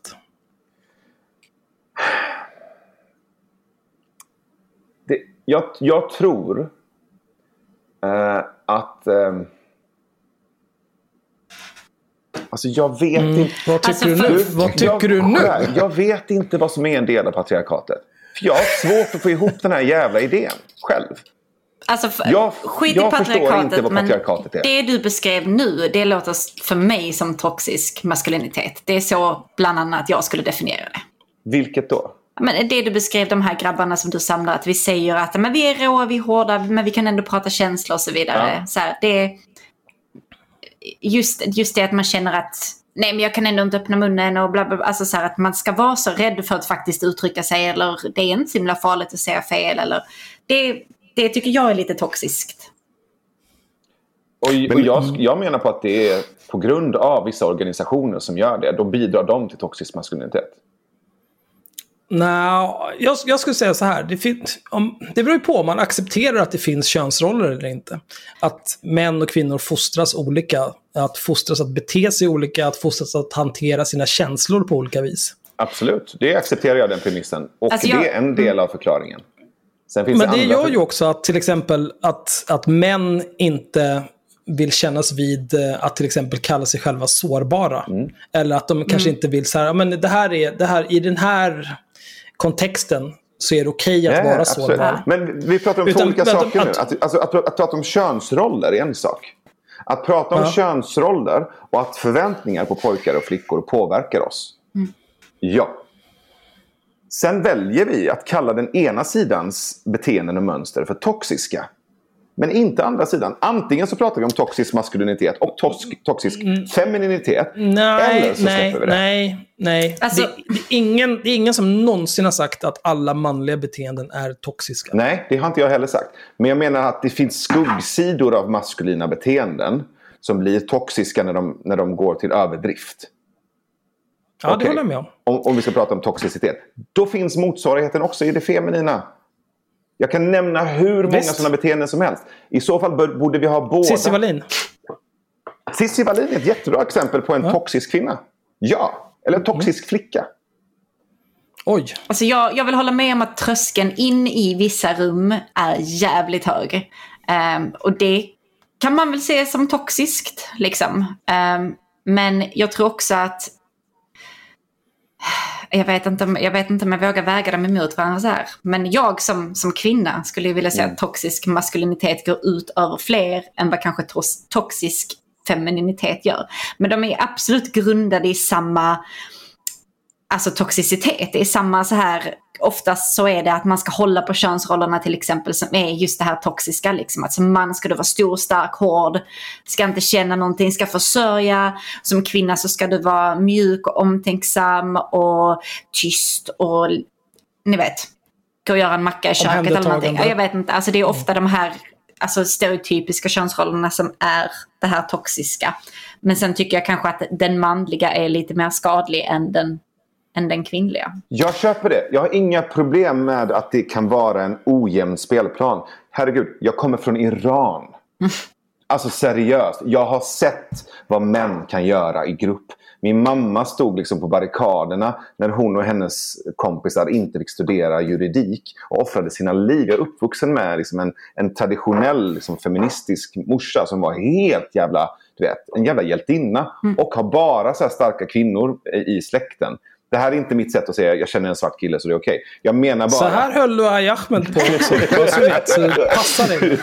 jag menar så här. Jag skriver, jag skriver ju under på fullständigt att män har betett sig som fucking idioter genom hela historien. Och det finns väldigt tydliga scenarion där kvinnor har hållits tillbaka med våld. Och vilket är vidrigt. Och det görs fortfarande. Jag satt med Katarina Wenstam och pratade om Handmaid's Tale. Och satt och liksom analyserar den här boken och programledaren säger Åh, Gud vad hemskt, tänk om det här skulle hända. Vi bara, det händer. Det händer ju fortfarande. Det händer idag. Händer de här sjuka scenerna. Så jag är absolut inte blind för det. Min poäng är bara så här. Jag tror att samtalet om toxisk maskulinitet, att benämna det på det sättet, är kontraproduktivt. Det är kontraproduktivt. Prata om könsroller som håller oss tillbaka. Att vi borde jobba med dem så att både flickor och pojkar får fler möjligheter. Så tror jag att det är ett bättre och mer konstruktivt samtal än att bara prata om toxisk maskulinitet. Det, jag håller inte med. Jag, jag, jag är, för, nu har jag hela Jag tiden seta här och hållit med dig om att, eh, alltså, att det behövs en inkörs... För det jag uppfattar dig som, och det du gör nu, det är att Mm. du vill skapa en inkörsport till killar att faktiskt börja prata om de här Absolut. sakerna. Absolut. Så att jag, jag har inte ett problem med själva benämningen av toxisk maskulinitet. Det är väl i så fall kanske när man slänger upp det och vilka sammanhang man gör det. Det är skitenkelt att sitta och säga kring haveristerna att du är bara det är fullt av toxisk maskulinitet. Ni säger super, super, superdumma ord 24-7. Men det spelar ingen roll. För att vi framför fortfarande en politik som går tvärs emot toxisk, toxisk maskulinitet. Vi är för någonting Du är helt så annat. icke-toxisk att du inte ens kan uttala det. Så Nej. det är så jävla Oj. bra. Nej men det är inte det jag säger. Vi, vi Nej, har men jag förstår vad du menar Henrik. Jag är uppfödd Eh, och vuxen, alltså att jag inte skulle kunna vara ett stort jävla problem och muller att jobba ihop med. Det har inte jag ett problem med. Utan det är bara att säga att det är liksom att man startar de här inkörsportarna till det. Det, det finns inget konstigt i det. Men jag, men jag, jag är också nyfiken på... För Sanna, du har ju, du har ju två små där hemma. En, Mm. Ja. en flicka och en pojke, eller hur? Jag tänker att i, i, i fallet där med, med, din, med din son. Då tänker jag så här, jag har ju en dotter. Eh, Mm. Ja. Så jag, jag strugglar ju med allt vad, vad det innebär. Att, ja, men du vet, se hur världen ser ut och försöka fostra en stark, självständig kvinna samtidigt som hon stöter på liksom, fenomen som jag inte tror pojkar stöter på i samma utsträckning. Så jag lär, jag lär mig hur mycket som helst av att vara flickpappa. Ja. Jag, jag ser också kompisar som har, som har söner. Ehm, hur, hur är det för dig ehm, med en son till exempel? Eh, när du hör liksom, det repeteras kring just men samtalet om män eh, som, som förövare, potentiella våldtäktsmän, toxiska maskuliniteten. Hur påverkar det dig som son, sonmamma? Alltså för mig så... Jag, jag vill ju verkligen uppfostra mina barn likadant. Jag vill att de två ska gå igenom och inte tycka att, att jag och Tim har behandlat dem annorlunda på något sätt. Men samtidigt så vill jag ju som du säger att, att de ska vara rustade för klimatet där ute. Liksom. Det, det blir en helt annan... Att, att män ska ses som förövare och att kvinnor är liksom... Det, blir- det blir eh, jag vet inte. Jag försöker vara så neutral jag kan. Det är alla de här basic grejerna. Liksom att det kan vara rosa, det kan vara en klänning fast han är en grabb. Liksom, samtidigt som jag är jävligt noggrann med att jag, jag stoppar alla i min familj och alla i min närhet. Att vi säger liksom inte typiska könsstereotypa saker och så vidare när, när barnet, eller barnen är i närheten. Och jag vill inte att folk kommenterar kroppar. Till exempel min mamma kan vara väldigt så här, åh ser jag tjock ut i den här liksom. Och det, det får inte lov att hända i närheten av mina barn, båda två. Och sen att man berömmer utifrån liksom eh, vad, vad smart du var eller vad, vad rolig du sa det här istället för åh gud vad du sa att liksom det, det kommer inte hända härifrån. Men nu mina så små också men det kommer ju förbli någon typ av samtal sen när det blir större liksom att att det är så här det är, det är så här läget är ute i världen nu liksom. Och att så länge jag så länge jag pratar känslor med min son, precis lika mycket som jag pratar känslor med, med, min, med min dotter och att vi att jag förhåller mig likadant till dem båda och att Tim gör detsamma. Och att jag och Tim förhåller oss till varandra likadant som vi gör till barnen. Liksom. Då hoppas jag ändå att de är rustade för jag menar, att inte vara rädd att gå på en killmiddag, om det ska vara så. Att kunna komma ut och snacka med sina kompisar, liksom, eller att, ehm, att våga stå upp för någonting. Liksom. Att nu ser han att hans kompis var lite, var lite äcklig där. Liksom. Att, att han vågar säga till att nej, men hallå, det här är inte okej. För att det önskar jag att jag gjorde det hoppas jag att jag gör oftast. Jag tycker att jag gör det. Och på samma sätt så önskar jag att alla i min närhet gör likadant. Liksom. Jag tycker inte att det är... Men ja, det är svårt att säga. Jag, jag försöker röra mig åt det hållet. Alltså min äldsta är bara två och ett halvt. Jag kan, att- jag kan tillägga en sak om just det där med att ha barn. Jag som har två eh, döttrar. Hur gamla är de? eh, Nio och sju. Ja. Eh, och att eh, liksom... Eh, jag har sett en sak som jag tycker kan vara extremt ful ibland. Det är när man pikar killar som upptäcker liksom att få ett feministiskt uppvaknande för att de får just döttrar. Ja, det är väl inte kanske där och då det feministiska uppvaknandet borde ske. Men man kanske inte ska pissa på dem för att äntligen ta tag i problemet. Alltså hellre är sent liksom än aldrig. Så är det. Ja, det, det blir lite så här, så här va, att du, damned if you do, damned if you don't. Det, det spelar liksom ingen Det roll. finns ju också extremfall av det där. Jo, jo, absolut. Jo- Joakim Lamotte som fick döttrar och plötsligt hade han gjort mer för feminismen än vad Feministiskt initiativ hade gjort någonsin. Jag liksom. menar inte Joakim Lamotte. Nej, nej, men jag, jag vill bara, jag vill bara passa på att namedroppa så mycket någon som möjligt som här. upptäcker att liksom så här, min dotter får inte spela med samma regler när de spelar bollpingis ute på skolgården och tycker att det här känns jävligt skevt. Vänta, så här var jag så här. Och så, och så börjar man rannsaka sig själv och så vill man göra någonting åt det. Det är inte samma sak som att Joakim Lamotte får ett frispel i olika typer av sociala medier. Det får vi ju det får Jag har man en till hantera. anekdot. Jaha, När jag okej. var barn, eh, sent 1730-tal. Nej, på 80-talet. Eh, jag gick på, min, min stora syster, hon gick i Waldorfskola i 12 år, tyckte att det var life. Eh, Kristofferskolan i Bromma. Så när jag föddes, då började jag på eh, Waldorfdagis. Ehm, och där, där, när vi skulle leka, då delade de in oss i killarna och tjejerna. Och så hade de skjutdörrar. Och så fick vi leka separat. Tjejerna fick leka med dockor som var liksom, alltså den äckligaste skit jag varit med om. 1800-tals skräp. Vi killarna, vi fick leka med mekano. Och bygga saker liksom. Ehm, jag har, länge tänkte jag på det bara som så här, det är en konstig grej. Varför ska man dela upp det? Vem fan bryr sig? Jag kanske ville leka med dockor. Någon av tjejerna kanske ville leka med mekano. Vad är problemet? Men det enda jag kommer ihåg av det är att jag, jag tog alltid de längsta bitarna. Och så byggde jag ett stort bombplan. Och så åkte jag runt och bombade alla andra, vad de byggde. Är det lite Eh, toxiskt, Axel? Ja, kanske, förmodligen. Men, jag, men nu när jag tänker så här i vuxen ålder, då tänker jag så här, undrar vad det gör med liksom ett barns utveckling. Att eh, hälften av barnen, de får bygga saker, vara kreativa, göra precis vad de vill, liksom skapa. Medan den andra halvan, de får sitta med någonting som är färdigt. Och det finns regler för vad man får göra med det här. Den här leksaken. Som inte är en leksak, utan det, det är ju en, ett simulakrum av ett barn som du ska ta hand om. Jag tror att man blir fucked Ja. av det där. Alltså, Men det är ju det är också uppdelat. Jag menar, vi är inte bara kultur, vi är också biologi. Så det finns, båda aspekterna finns ju i oss. Vi är ju både djur och människa. Vi är någonting som, som, som finns i oss programmerat och sen så har vi en potential att bli någonting mer. Alltså bortom människan. Liksom. Och, och de här båda systemen existerar, samexisterar ju i oss. Så det finns ju jättestora skillnader på gruppnivå mellan pojkar och flickor som, som, som i utfallet spelar roll. Och samtidigt så finns de här uppfostringskoderna och könsrollerna där vi faktiskt kan påverka. Och det finns kultur och det finns språk och det finns alltså allt ifrån, man kan mäta liksom blickar eller hur man, eh, kommandon runt matbordet. Att, att flickor och pojkar tidigt lär sig att pojkarna behöver inte ens kommunicera. Flickorna ger dem saltkaret eller liksom eh, mjölken ändå. Men båda de här spelar ju roll.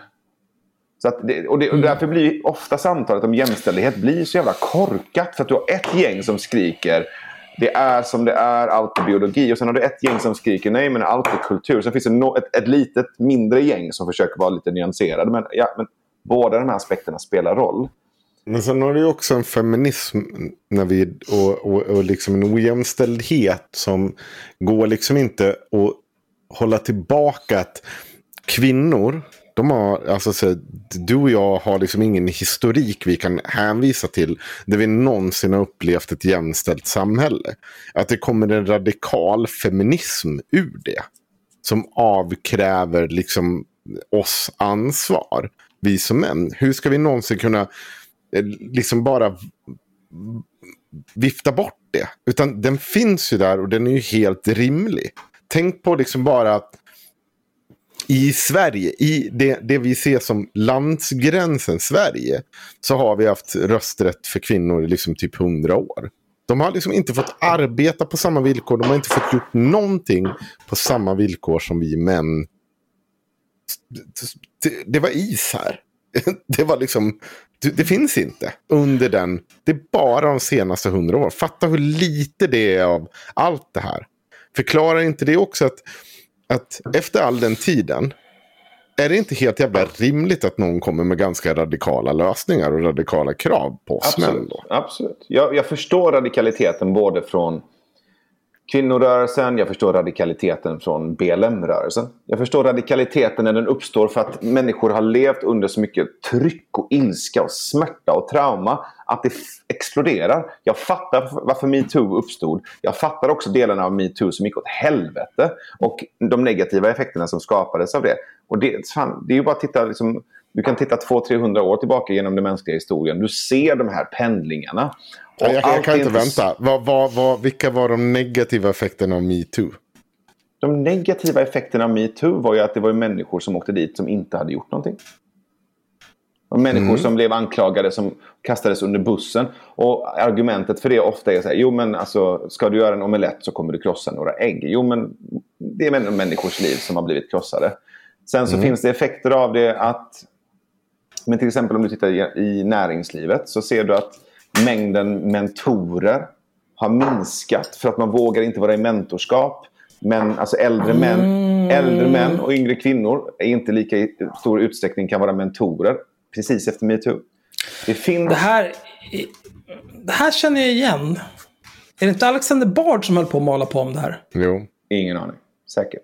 Jag tror det. Men det finns ju också, Men det jag, finns ju också, jag, det finns ju också kvinnor som efter metoo har gått ut och sagt att jag drogs med sättet det här genomfördes på var inte helt nice. Det betyder inte att metoo är dåligt. Var med på det. Ja, men Alexander, Alexander Barr, jag vet vem som har fått det från vem, ja. det spelar egentligen ingen roll. Men Alexander Barr har också sagt det. Mm. Att eh, nu kvinnor som är på väg ut i karriären, ut i arbetslivet, hej och hå, de kan inte hitta några mentorer för att äldre män eh, drar sig för att vara mentor åt yngre kvinnor. Mm. Jag, jag, jag, vet inte, jag, det är så Alltså... Det är så konstig grej att säga. Eh, jag ska säga, jag har... Det, hon skulle slå sönder mig om jag sa att jag har varit hennes mentor. eh, jag sa en gång att hon var mitt fadderbarn. Eh, en... Eh, låt oss kalla henne Prime. Men jag, jag sa en gång att, jag var hen, att hon var mitt fadderbarn. Eh, jag lärde känna henne när hon var 17. Då var hon ihop med en kompis till mig som är 10 år yngre än mig. Så det var inte konstigt, inga konstigheter där. Men vi lärde känna varandra för att eh, vi, har, vi delar omständigheter eh, på många sätt och vis. Och eh, han visste inte riktigt hur han skulle prata med henne om de omständigheterna. Så eftersom jag och hon delar omständigheter så frågade han, kan inte du ta en fika med henne? Sa absolut. Eh, vi tog en fika. Eh, hon pratade oavbrutet i tre timmar. Jag satt. Mm. Mm. Mm. Eh, och sen dess så är vi... Eh, jag skulle säga hon är nog den enda människan som jag inte skulle tveka att berätta någonting för. Eh, och det är liksom inte ett problem överhuvudtaget. Även om det är, en, det är en stor åldersskillnad mellan oss. Jag är man och hon är kvinna. Men, men jag har aldrig någonsin känt att så här, åh nej, det här kan jag inte göra för då kanske jag blir metoad. För att, eh, av den enkla anledningen att vi har inte den relationen. Det låter bara som grooming med extra steps. Oh, Nej men, ja. Men fortfarande. Ja, nej, ja. Och Du kan ju Nej, jag, vet, jag, tycker väldigt, det här är väldigt, så här... Och väldigt anekdotiskt såklart också. Jo, men du kan Absolut. heller ja, men hela den här... Jo, nej men att säga så här, äldre män vågar inte vara mentorer Alltså- åt yngre kvinnor. Det är också Nej, men anekdotiskt. jag vill Vad har du faktiskt för statistik stäng- på det? slänga in lite anekdotisk bevisföring i den här diskussionen. För att jag har en del kontakter i universitetsvärlden. Och jag, alltså, jag har hört detta first hand. Att äldre män, professorer, diskuterar eller fäller kommentarer om att metoo är så jobbigt. Nu vet inte jag hur jag ska förhålla mig till mina kvinnliga doktorander eller så vidare. Ehm, jag har personligen hört detta hänt.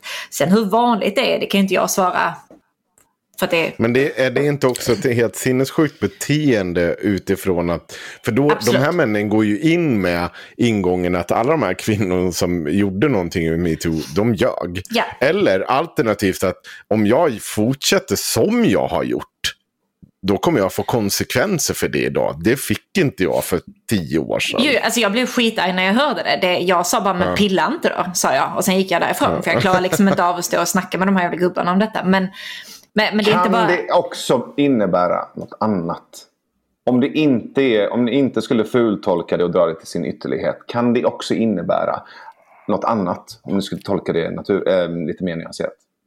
Alltså det är klart att det någon gång kan hända att någon skulle falskanmäla någon för någonting på grund av, ja, speciellt i skolvärlden så kan det ju vara betyg till exempel eller en, en kurs som inte, alltså ni vet någonting sånt. Till Eh. exempel att, att Cissi Wallin anklagar Axel för att vara våldtäktsman. Till exempel. Mm. Ett sånt exempel. Ja men alltså jag, jag vet inte, det var väl mer eh, att vifta med den röda capen i det fallet. När man, alltså att använda det i någon typ av personlig vinning, det är klart det finns folk som gör det, och, det också. tror du inte, och det tror du inte hände under och efter metoo? Jo, jag säger ju att det Men- finns väl absolut något tillfälle det kan ha hänt. Jag tror bara inte att det är ett så pass utspritt Ja, det- är ju inte rimligt att springa runt och sprida någon ytterligare rädsla kring att män kommer springa runt och bli okynnesanmälda. Bara för att Cissi Wallin har gjort det mot, alltså betett sig så här mot Axel eller att eh, någonting har hänt inom studentvärlden. Det, det är i så fall, det är ju bara att vara mer och rätt och korrekt och föra, liksom så här, vi för den här konversationen dokumenterat eller vi, vi, vi beter oss propert. Då kommer aldrig den här diskussionen uppkomma. Ja, I princip. Eller så kan saker vara både bra och dåliga samtidigt. Och det är okej. Saker kan absolut vara både bra och dåliga samtidigt. Men Metoo kanske var både får- bra och dåligt samtidigt. Och det var mer bra och det var också dåligt. Ja, visst, det kan absolut vara både bra och dåligt. Men man får också tänka på när det kommer till eh, sexuella övergrepp och våldtäkt till exempel. Det var egentligen någonting som jag hade planerat att ta upp i eh, Skärmdumpskvinnan-avsnittet som finns exklusivt på Patreon. Bli Patreon redan idag. Det jag hade tänkt upp då, det var att eh, Just sexuella övergrepp och våldtäkt. Senast jag tittade på den statistiken, då det, det anmäls ungefär 6 000 våldtäkter per år. Mörkertalet, eller det totala antalet våldtäkter som beräknas vara per år är 36 000. Eh, och en försvinnande liten del av de som anmäls leder till åtal. En försvinnande liten andel av de som leder till åtal leder till en fällande dom. För att det är, det är, så, det är så svårt ofta att, att säga vad som har hänt, för oftast är det bara ord mot ord. Och det gör ju att det, det, det får ju lite grann en särställning. ehm, om man jämför med till exempel misshandel. Ja, du, du står för nära mig i kön. Nu blir det fisticuffs, nu ska du ha bort från mig. Då, då finns det ju liksom, eh, finns förmodligen vittnen. Du har förmodligen, om du är offret så har du förmodligen skador. Den som har slagit dig har förmodligen skurit upp knogarna på något vis. Så här. Det är ganska cut and dry vad som har hänt. Men just när det kommer till våldtäkt, då är, då är det liksom eh, mycket, mycket svårare. Vilket gör att det är mycket, mycket svårare för offer att bli trodda. Det är en jävla process. Vi hade ju all den här skiten med så här, med vad hade du på dig? Gillar du att knulla överlag? Och så här, all den här dumma skiten. Eh, så det har ju varit eh, extremt dåligt för kvinnor som har blivit utsatta för sexuella trakasserier eller har blivit våldtagna eller någon typ av övergrepp. Det har varit extremt dåligt för dem i hundratusentals år. Och så nu äntligen händer det för dem. Eh, trots att jag på sätt och vis eh, jag, vet inte, jag ska inte säga att jag har fallit offer för metoo, men un poco, un poco. Jag tar det. För att jag, jag kan ändå känna så här att det är rimligt. För att det gick ändå så här, det gick att reda ut. Nej, jag är, jag är inte våldtäktsman trots att Cissi Wallin säger det. Men jag kan ta det för att det är inte, för mig var det inte så jävla farligt. Det kan säkert vara helt vedervärdigt för någon annan att falskeligen bli anklagad för våldtäkt eller whatever. Men för mig, äh, Alltså nu låter du lite så som att du gav kvinnor metoo för att ja, men jag kan ta den här våldtäktsmansanklagelsen. Du har gjort mer för Ja, kvinnor än det vad låter Joakim har. lite som Bard sa att ja, men kvinnor snart ska jag ge det till er. Men nej, alltså, det Du är försökte lite... Axel, du försökte i alla fall. Ja. Nu blev det Jävla så. horungar ni jävla tre alltså. Fy fan. Ja! Det tog två timmar. Det tog två timmar. Vi gjorde det tillsammans. Tack. Ja, det var ett bra grupparbete. Ja, jävla nej, men, så här, jag, Nej, men det jag menar är bara så här att jag... Det, det är såklart att det finns ju hemska historier som har kommit ur metoo, av folk som har blivit falskt anklagade. Som han, det var, vad fan hette han, Benny Fredriksson som tog livet av Absolut. sig. oj, ja. Eh, och och jag, jag tycker inte riktigt att så här, ja, vill man göra en omelett så får man knäcka några ägg. Jag säger bara, jag har förståelse för att när det här väl sker så kan det bli urskillningslöst. Jag, jag förstår det. Jag säger inte att det är bra eller att det ska vara så. Men jag har förståelse för det. För det är ändå, eh, som jag sa, en bråkdel av, eller inte en bråkdel, en liten andel av det totala antalet våldtäkter anmäls. En liten andel av det går till åtal, en liten andel av dem blir fällda. Det är liksom, och, och sen, vad hade du på dig? Gillar du att knulla i vanliga fall? Är du inte lite av en hora ändå? Alltså, jag ser också var det kommer ifrån. Jag förstår det. Jag tycker till och med det är rimligt till ganska stor nivå att det blir så urskillningslöst. Det jag också ser är att när pendeln slår för hårt åt ena hållet så gör den det och sen så går den tillbaka och slår åt andra hållet. Och det blir de här liksom pendelrörelserna. Och jag tror Mm. i sig att de kan vara farliga. Någonstans så vill jag, Ja, jag, vill bara få, jag, jag, jag vill bara göra det lite tråkigare. Jag är inte på något sätt mot jämställdhet eller att, att, att liksom Det är för att, vet du varför du vill göra det tråkigare? Det är för att din podd bygger på tråkighet och vår podd bygger på kaos och konflikt. Du förstör vår affärsidé. Jag blir så jävla arg alltså. Framförallt så vill du tilltala en publik som du anser är förbisedd. Det vill säga den här enkla Kenta som bor i en förort i Stockholm eller i en småstad någonstans som aldrig ens har funderat på de här frågorna. Antar jag. Men är det något fel med det Henrik? Nej, det sa jag absolut inte. Nej, Utan men jag det var mansplainande bara- för publiken. Nej men absolut. Men och, hörru, och några, av de, hörru- några av de roligaste och smartaste och bästa analyserna kommer ju från Kenta när han kör sin lastbil. Han har lyssnat på fyra timmar Haveristerna. Han har lyssnat på sju timmar Hur kan vi? Han har lyssnat på Aron Flam. Han har lyssnat på, vad heter de, Lilla Drevet? Heter de så? Nej. Ah, Stor- och sen här Stormens ut. Han har och han lyssnar på massa olika poddar. Och sen skickar han något meddelande, eller skickar något röstmeddelande till mig på Facebook och har liksom en skitspännande analys av Sverige. Det där låter inte som den typiska jag är en eh, 19-årig desi- desillusionerad man i en glesbygd utan framtidsutsikter personen Nej, faktiskt. men då får du uppdatera din bild av de männen. Oj. Får jag vara med på nästa storebror-möte? Jättegärna. Du är så välkommen. Ja. Jag lovar att inte gola om vad som sägs. Nej, det är en av reglerna. Då kommer jag hem och döda dig. Åh, snälla. Det kan räknas som ett dödshot. Try me. Try me. Du skulle bara veta. Fy fan. Alltså Navid Modiri är med i Haveristerna och han mordhotar. Ska du avblocka mig på Facebook nu? Har jag blockat dig? Du har blockat mig. minns jag inte. Nej, nej.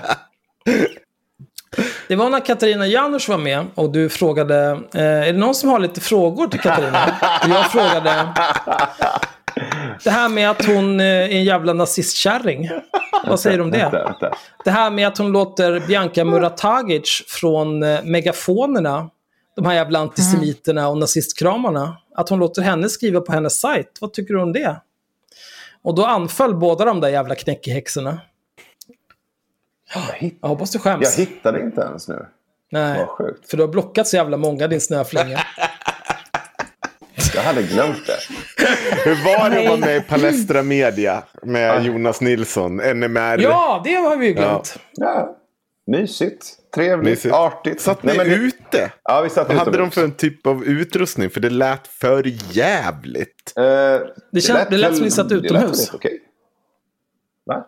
Har du sett? Nej. Det, det jag lyssnar på lät också för jävligt, Ja, det men det spelar ingen roll. Henk har blivit audiofil efter att han skaffade en bra mick. Så Vi köpte varsin mick för tusen Det spänn och nu kan vi en det ser hel del ut av en som hel att han del. sitter i Hur kan vi-studion, men vi behöver inte prata om det. Eh, det gör han kanske. Han väntar på dig det, där. hade varit, det hade varit väldigt roligt. Men Axel sitter med en sån här jävla porrcasting-video liksom. Jag vet inte. Rosa väggar bror. Nej. Eh, Pale, pa, Palestra var... ehm, ja, men det, de var ju supertrevliga, artiga. Liksom, eh, ja, men allt det där. Och så kom vi in... Vi Nazister. pratade- Har ni, har ni sett samtalet? Har ni lyssnat på det? Ja, hela. Jag lyssnar på hela. Jag lyssnade. Mm. Ehm, nej, jag tyckte vi hade ett bra samtal. Det finns ett problem med det där. Ehm, jag skulle också kunna vara med i Palestra Media och prata med de där jävla nassarna. Men då hade jag talat om för dem att så här, men ehm, ni är ju nassar. Hur ser ni på det här med att vara nasse? Hitler? Förintelsen? Vad tror ni om det? Och då, och då, måste och, komma- och, då kommer hela samtalet handla om att ni sitter och tjafsar om huruvida de är nassar eller inte. Det är så jävla är tråkigt. nassar. Och det är så jävla gjort. Det bidrar Jo, inte med problemet, någonting. alltså. problemet blir Navid, att när du är med i så här fringe-media, som Palestra Media, som inte en jävel bryr sig om. När du är med där, då drar du publik till dem. Du legitimerar dem genom att prata med dem som att de är normala, vanliga människor, när de är nazister. Okej, t- till att börja med. De, de är människor. Okej. Jo, jo, Till- men de är inte normala människor, de är nazister. Okej, de, de är människor. Och jag sitter där och pratar med dem. Jag bekräftar dem Mm. som människor. Jag legitimerar inte deras åsikter. Nej, jag har inte sagt att du legitimerar deras åsikter. Jag säger att du drar publik till dem utan att ifrågasätta eller ens sätta, ä- ens nämna att de är Jag nazister. ifrågasätter dem i sakfrågor. Det är det vi pratar om. En ganska viktig sakfråga om jag pratar med dem, det är, är du nazist eller inte? Det är bland de första sakerna jag hade behövt reda ut med dem om jag hade varit med. Okej. Tycker inte du att det är viktigt? Det samtalet hade inte lett någon vart. Överhuvudtaget. Du hade slutat med att vi sitter och tjafsar om huruvida de är nazister eller inte. Och det ger ingenting. Men framgår det någonstans att de är nazister? I ert samtal? För att när jag lyssnade på det, då lät det som att du pratade med några som... De, de, de framstod som Sverigedemokrater kanske. Vad gäller politiska åsikter. Men jag vet ju att de är nazister. Okej. Så om du då tänker att din publik som kommer dit och lyssnar på det av- avsnittet för att du är med. Tror du att de gör den typen av research eller har den typen av backstory på de här människorna att de vet att de är nazister? Och att Jonas Nilsson var med i MMA-landslaget bara för att han fick spö i sex matcher. Alltså, om de vill lyssna på det samtalet utifrån det som sägs i det samtalet så är det väl deras ensak. Och vad de gör för bedömning av det sen, om de vill göra vidare research, det är väl upp till den personen som lyssnar. Om du sen vill göra ett samtal med dem där du tjafsar om huruvida de är nazister eller inte, kör. Men varför måste det hela tiden vara antingen eller? Varför kan inte det ingå? Du, när, vi bjöd hit dig, det första jag sa, det är att så här, ta med dig någonting själv. Alltså om det är så är kritik mot oss, ta med dig det, kör i vind. Ja. Varför måste du, så, så här, än en gång, du kan sätta det där och göra det här. Men varför måste det ut? Om du sätter i ett forum där människor blir så kränkta av vad du säger till dem. Att du inte liksom, det, hela samtalet stagnerar där. Har du verkligen satt i ett forum som är ens beredd på ett samtal då? Var, jag hängde inte med riktigt på vad du menar nu. Ta det igen. Poängen är så Ta en sak i taget. om, om, om vi ska ta ett samtal med någon. Mm. Och en av de sakerna du vill samtala med dem om är om de är nazister. Fast det är inte någonting jag vill samtala med dem om. Det- Jag tycker inte det är intressant att labla dem som nazister det första jag gör. Det är ungefär som den här snubben i Svarta tråden fullständigt förlorade när han skulle försöka göra ett samtal med Alexander Bard. För han var mer inne på att labla Alexander Bard. Sen fucking failade Bard också i det samtalet. Båda förlorade. För att de var mer intresserade av att labla varandra än att ha ett samtal. Jag är inte det. Men det är också så att om du har med den typen av människor att göra. Om, om du inte klarar av att sitta kvar när du blir kallad horunge eller när du får kritik. Eller på annat sätt någon så här nedvärderande. Vad har du gått in i för typ av samtal då? Vad, vad finns det kvar där att hämta? Om de hade då äh, spenderat den här, ni, ni sitter i, i den nedklippta versionen, jag vet inte hur mycket det är klippt, men ungefär en timme. Alltså någonstans där under borde du ju kunna sagt det här. Och om det är där de tänker låsa sig så är det väl de som låser sig vid det. Nej, jag tycker inte frågan är intressant överhuvudtaget. Kasta en nazistetikett på dem, det är så jävla gjort. Men det är inte kasta nazistetikett. Det är en person som har varit aktiv inom NMR. Han har aldrig på något sätt tagit avstånd det. Han har fortsatt diskutera våldshandlingar och så vidare. Du nämner ingenting. Du, om, vi, om vi släpper att du ens skulle ha sagt nazist till honom. Om vi pratar om den revolutionära tanken han har levt i. Hade inte det varit intressant att ta upp? Alltså att han vill ta över det här landet med våld, han vill ersätta. Ni var ju inne lite och tänkte på det här med styrelseskick och sånt. Mm. Eh, ni snuddade vid det. Jag hade jättemycket följdfrågor då. Jag, jag kommer inte ihåg alla nu för att jag har inte sett ner och lyssnat igenom det en gång till. Mm. Men det, jag kommer ihåg att jag satt och tänkte, men där hade det ju varit intressant. Om du utgår ifrån ett samtal, att du än en gång sätter det med en nazist så hade det varit kul att veta vad, vad, vad, vill du att det här styrelseskicket... Är du för demokrati idag? Jag tror inte ens det var en fråga som någonsin yttrades.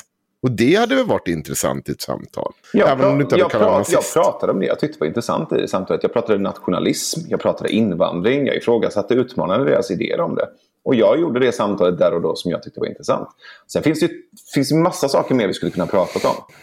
Jag håller med om att jag hade kunnat prata om eh, extremism, jag hade kunnat prata om våld också. Jag hade andra tankar på att jag ville prata om jag tror att jag nämnde någonstans den här liksom, hjältemyten och att, att vilja vara en nationalhjälte, är liksom att ha den här nationalromantiska hjälteberättelsen samtidigt som du Mm. beter dig som ett offer och skyller på invandrarna. Vi, vi snuddade lite vid det, men så kom vi in på en annan fråga. Det är också vad som Jag, händer i komma, samtalet. jag, kommer ihåg det, jag kommer ihåg det var en jätteintressant tanke Ja. om hur man bygger upp en tanke kring nationalstaten som inte bara springer runt att vi ska vara några typ för, liksom, vikingagudar som bara sprang runt här och levde rövare och var det bästa som har hänt sedan skivat smör. Ja, fan, det, var, det var superintressant den delen.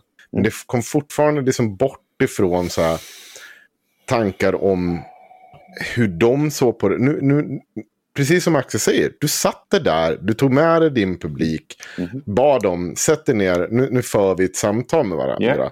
Men samtalet kom liksom aldrig någonsin att kretsa kring någonting som är relevant i det, i, i det samtalet. Utan det blir bara mer att ja, men det här är några Sverigevänner som sitter och tycker lite nationalromantiskt om olika saker. Det är ändå som människor som än en gång har velat ta över Sverige med våld. Och liksom bara ta bort hela vårt jävla styrelseskick. Och säga att nu jävla ska det sitta en liten lönnfet Klas Lund från Hej kom och hjälp mig i Dalarna. Eh, och som har några springpojkar boende i någon slags typ av eh, trädgård här.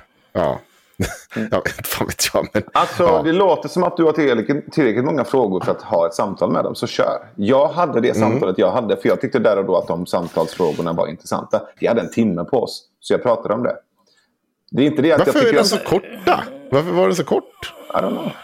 Ja, okej. Ja, men det är, ju ni, det är ju ni och vi som kör liksom, två och en halv timme samtal. Vinnarna. Mm. Ja, jag kan ändå känna att om man sitter och pratar med nazister, då kanske det är värt att nämna att ni är nazister. Men eh, det känns som att vi har uttömt även denna Ja. källa. Det har vi. Jag tycker ni får bjuda in Jonas i podden och snacka med honom. Där. Fuck honom. Inga jävla nazister i den här podden. Jag tror att han har bjudit in oss till slagsmål någon gång. Ja, det är faktiskt. klart att han har gjort Ja. det. Ni kan ju gå på det filma. Jag tänker inte gå och slåss med någon som är liksom eh, med i svenska MMA-landslaget. Jag är inte dum i huvudet. Vet du varför han är med i svenska MMA som Nej. sagt? Han gick tillräckligt Han var- många matcher och förlorade aldrig. Ja. Jag förlorade alla. Okej. Så att om jag skulle, statistiskt sett, om jag skulle gå en match mot honom skulle jag vara favoriten eftersom jag är obesegrad. Eh, tagga till nästa storebror, för då är jag med. Absolut, du är så välkommen. Ska Så. jag sitta och döma er? Nej, det kommer jag inte göra. Jag kommer sitta och vara en, en klippa av eh, God manlig energi. livströtthet och... Ja, jag, vet, go- jag vet inte om det finns någon god manlig energi, men jag, jag kommer vara en... Jag kommer vara en klippa av de enkla lösningarna. Nej, men alltså eh, nyckeln till livet är ganska enkel. Eh, om man är född och uppvuxen i ett av världens rikaste länder, där man har eh, de absolut mesta möjligheterna att göra någonting av sitt liv. Då finns det inga ursäkter. Det spelar ingen roll om du är född i någon eh, avfolkningsort eller glesbygd, eh, om du mår dåligt, dina föräldrar är horungar, whatever. Fucking do it. Flytta därifrån, plugga någonstans, sök en utbildning, sök en studentbostad, ta dig samman, skaffa en utbildning, skaffa ett jobb. Do it. Men du får sista ordet Navid. Ehm, boka Rashid Musa till haveristerna nu. Fy fan! 100 procent han är välkommen Ja, hit. För fan. Rashid, om du vågar komma hit. Och vi ska reda ut vad du sa i den svarta Din tråden om vad jag hade sagt om Din dig. jävla Ja, råtta kallar mig husnäng. vi- Fan tror du att Var det du är din tvungen att antisemitiska starta jävla dem innan vi skulle sluta? För nu kommer jävel. de komma in på Discord och så kommer det låta så här i två timmar till. Fy fan. Det är som att trycka på en knapp. Det är otroligt Alltså det, det är så, de är så lättuppjagade de här grabbarna så jag vet inte ens vad jag ska säga. Han har så jävla mycket att säga om hans kopplingar till Muslimska alltså.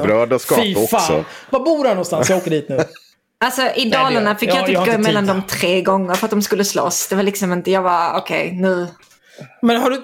Henrik är ju så Ja, jävla men snälla dum. ni behöver ju extra mammor båda två. Det är pinsamt. Kan, nu lägger vi ner. Ja. Nu lägger vi ner. Men nu ska har vi ju en på. riktig mamma i alla fall. Det är ju bra. Hörni, tack, Ja. i munnen där.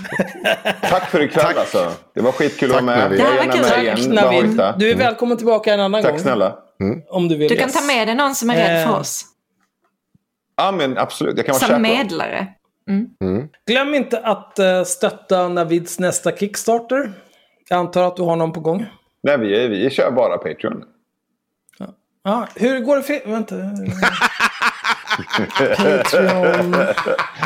Jag tror den ligger på kanske ehm, ja, 900 dollar eller något sånt i månaden. Allting är en kukmätartävling. Ja, det är det. Det där är ju- det. är det. Those are rookie numbers alltså. Gotta pump those Det är numbers. inga, det är inga, det är inga Eh. gott snack-siffror alltså. Fredrik Söderholm har ju mördat Patreon. Fuck honom alltså. Ja, du, hörru. De har vi- lyckats. De har Får jag bara lyckats. säga, vi har 2053 patrons, det vill säga Oj. 2417 Åh nej, patrons. alltså det är så jobbigt. De här avsnitt. senaste två dagarna. Man har inte kunnat uppdatera sidan på Patreon utan att det har bumpats 10 patrons. Ain't nothing gonna break my stride, era jävla horungar. Här kommer pengarna. Nu kör vi. Men, bli patrons till eh, Navid Modiro. Hur kan vi? Mm. Stöd fler eh, öppna samtal. Och så vidare. Nu räcker det i alla fall. Det här var avsnitt 89 av Mitt Haveristerna. tionde. Dagens gäst var Navid Modiri. Det är Sannas tionde avsnitt. Applåder i chatten tack. Nu räcker det, dra åt helvete, hej då. Är det avstängt? Nej, inte än, men vem bryr sig?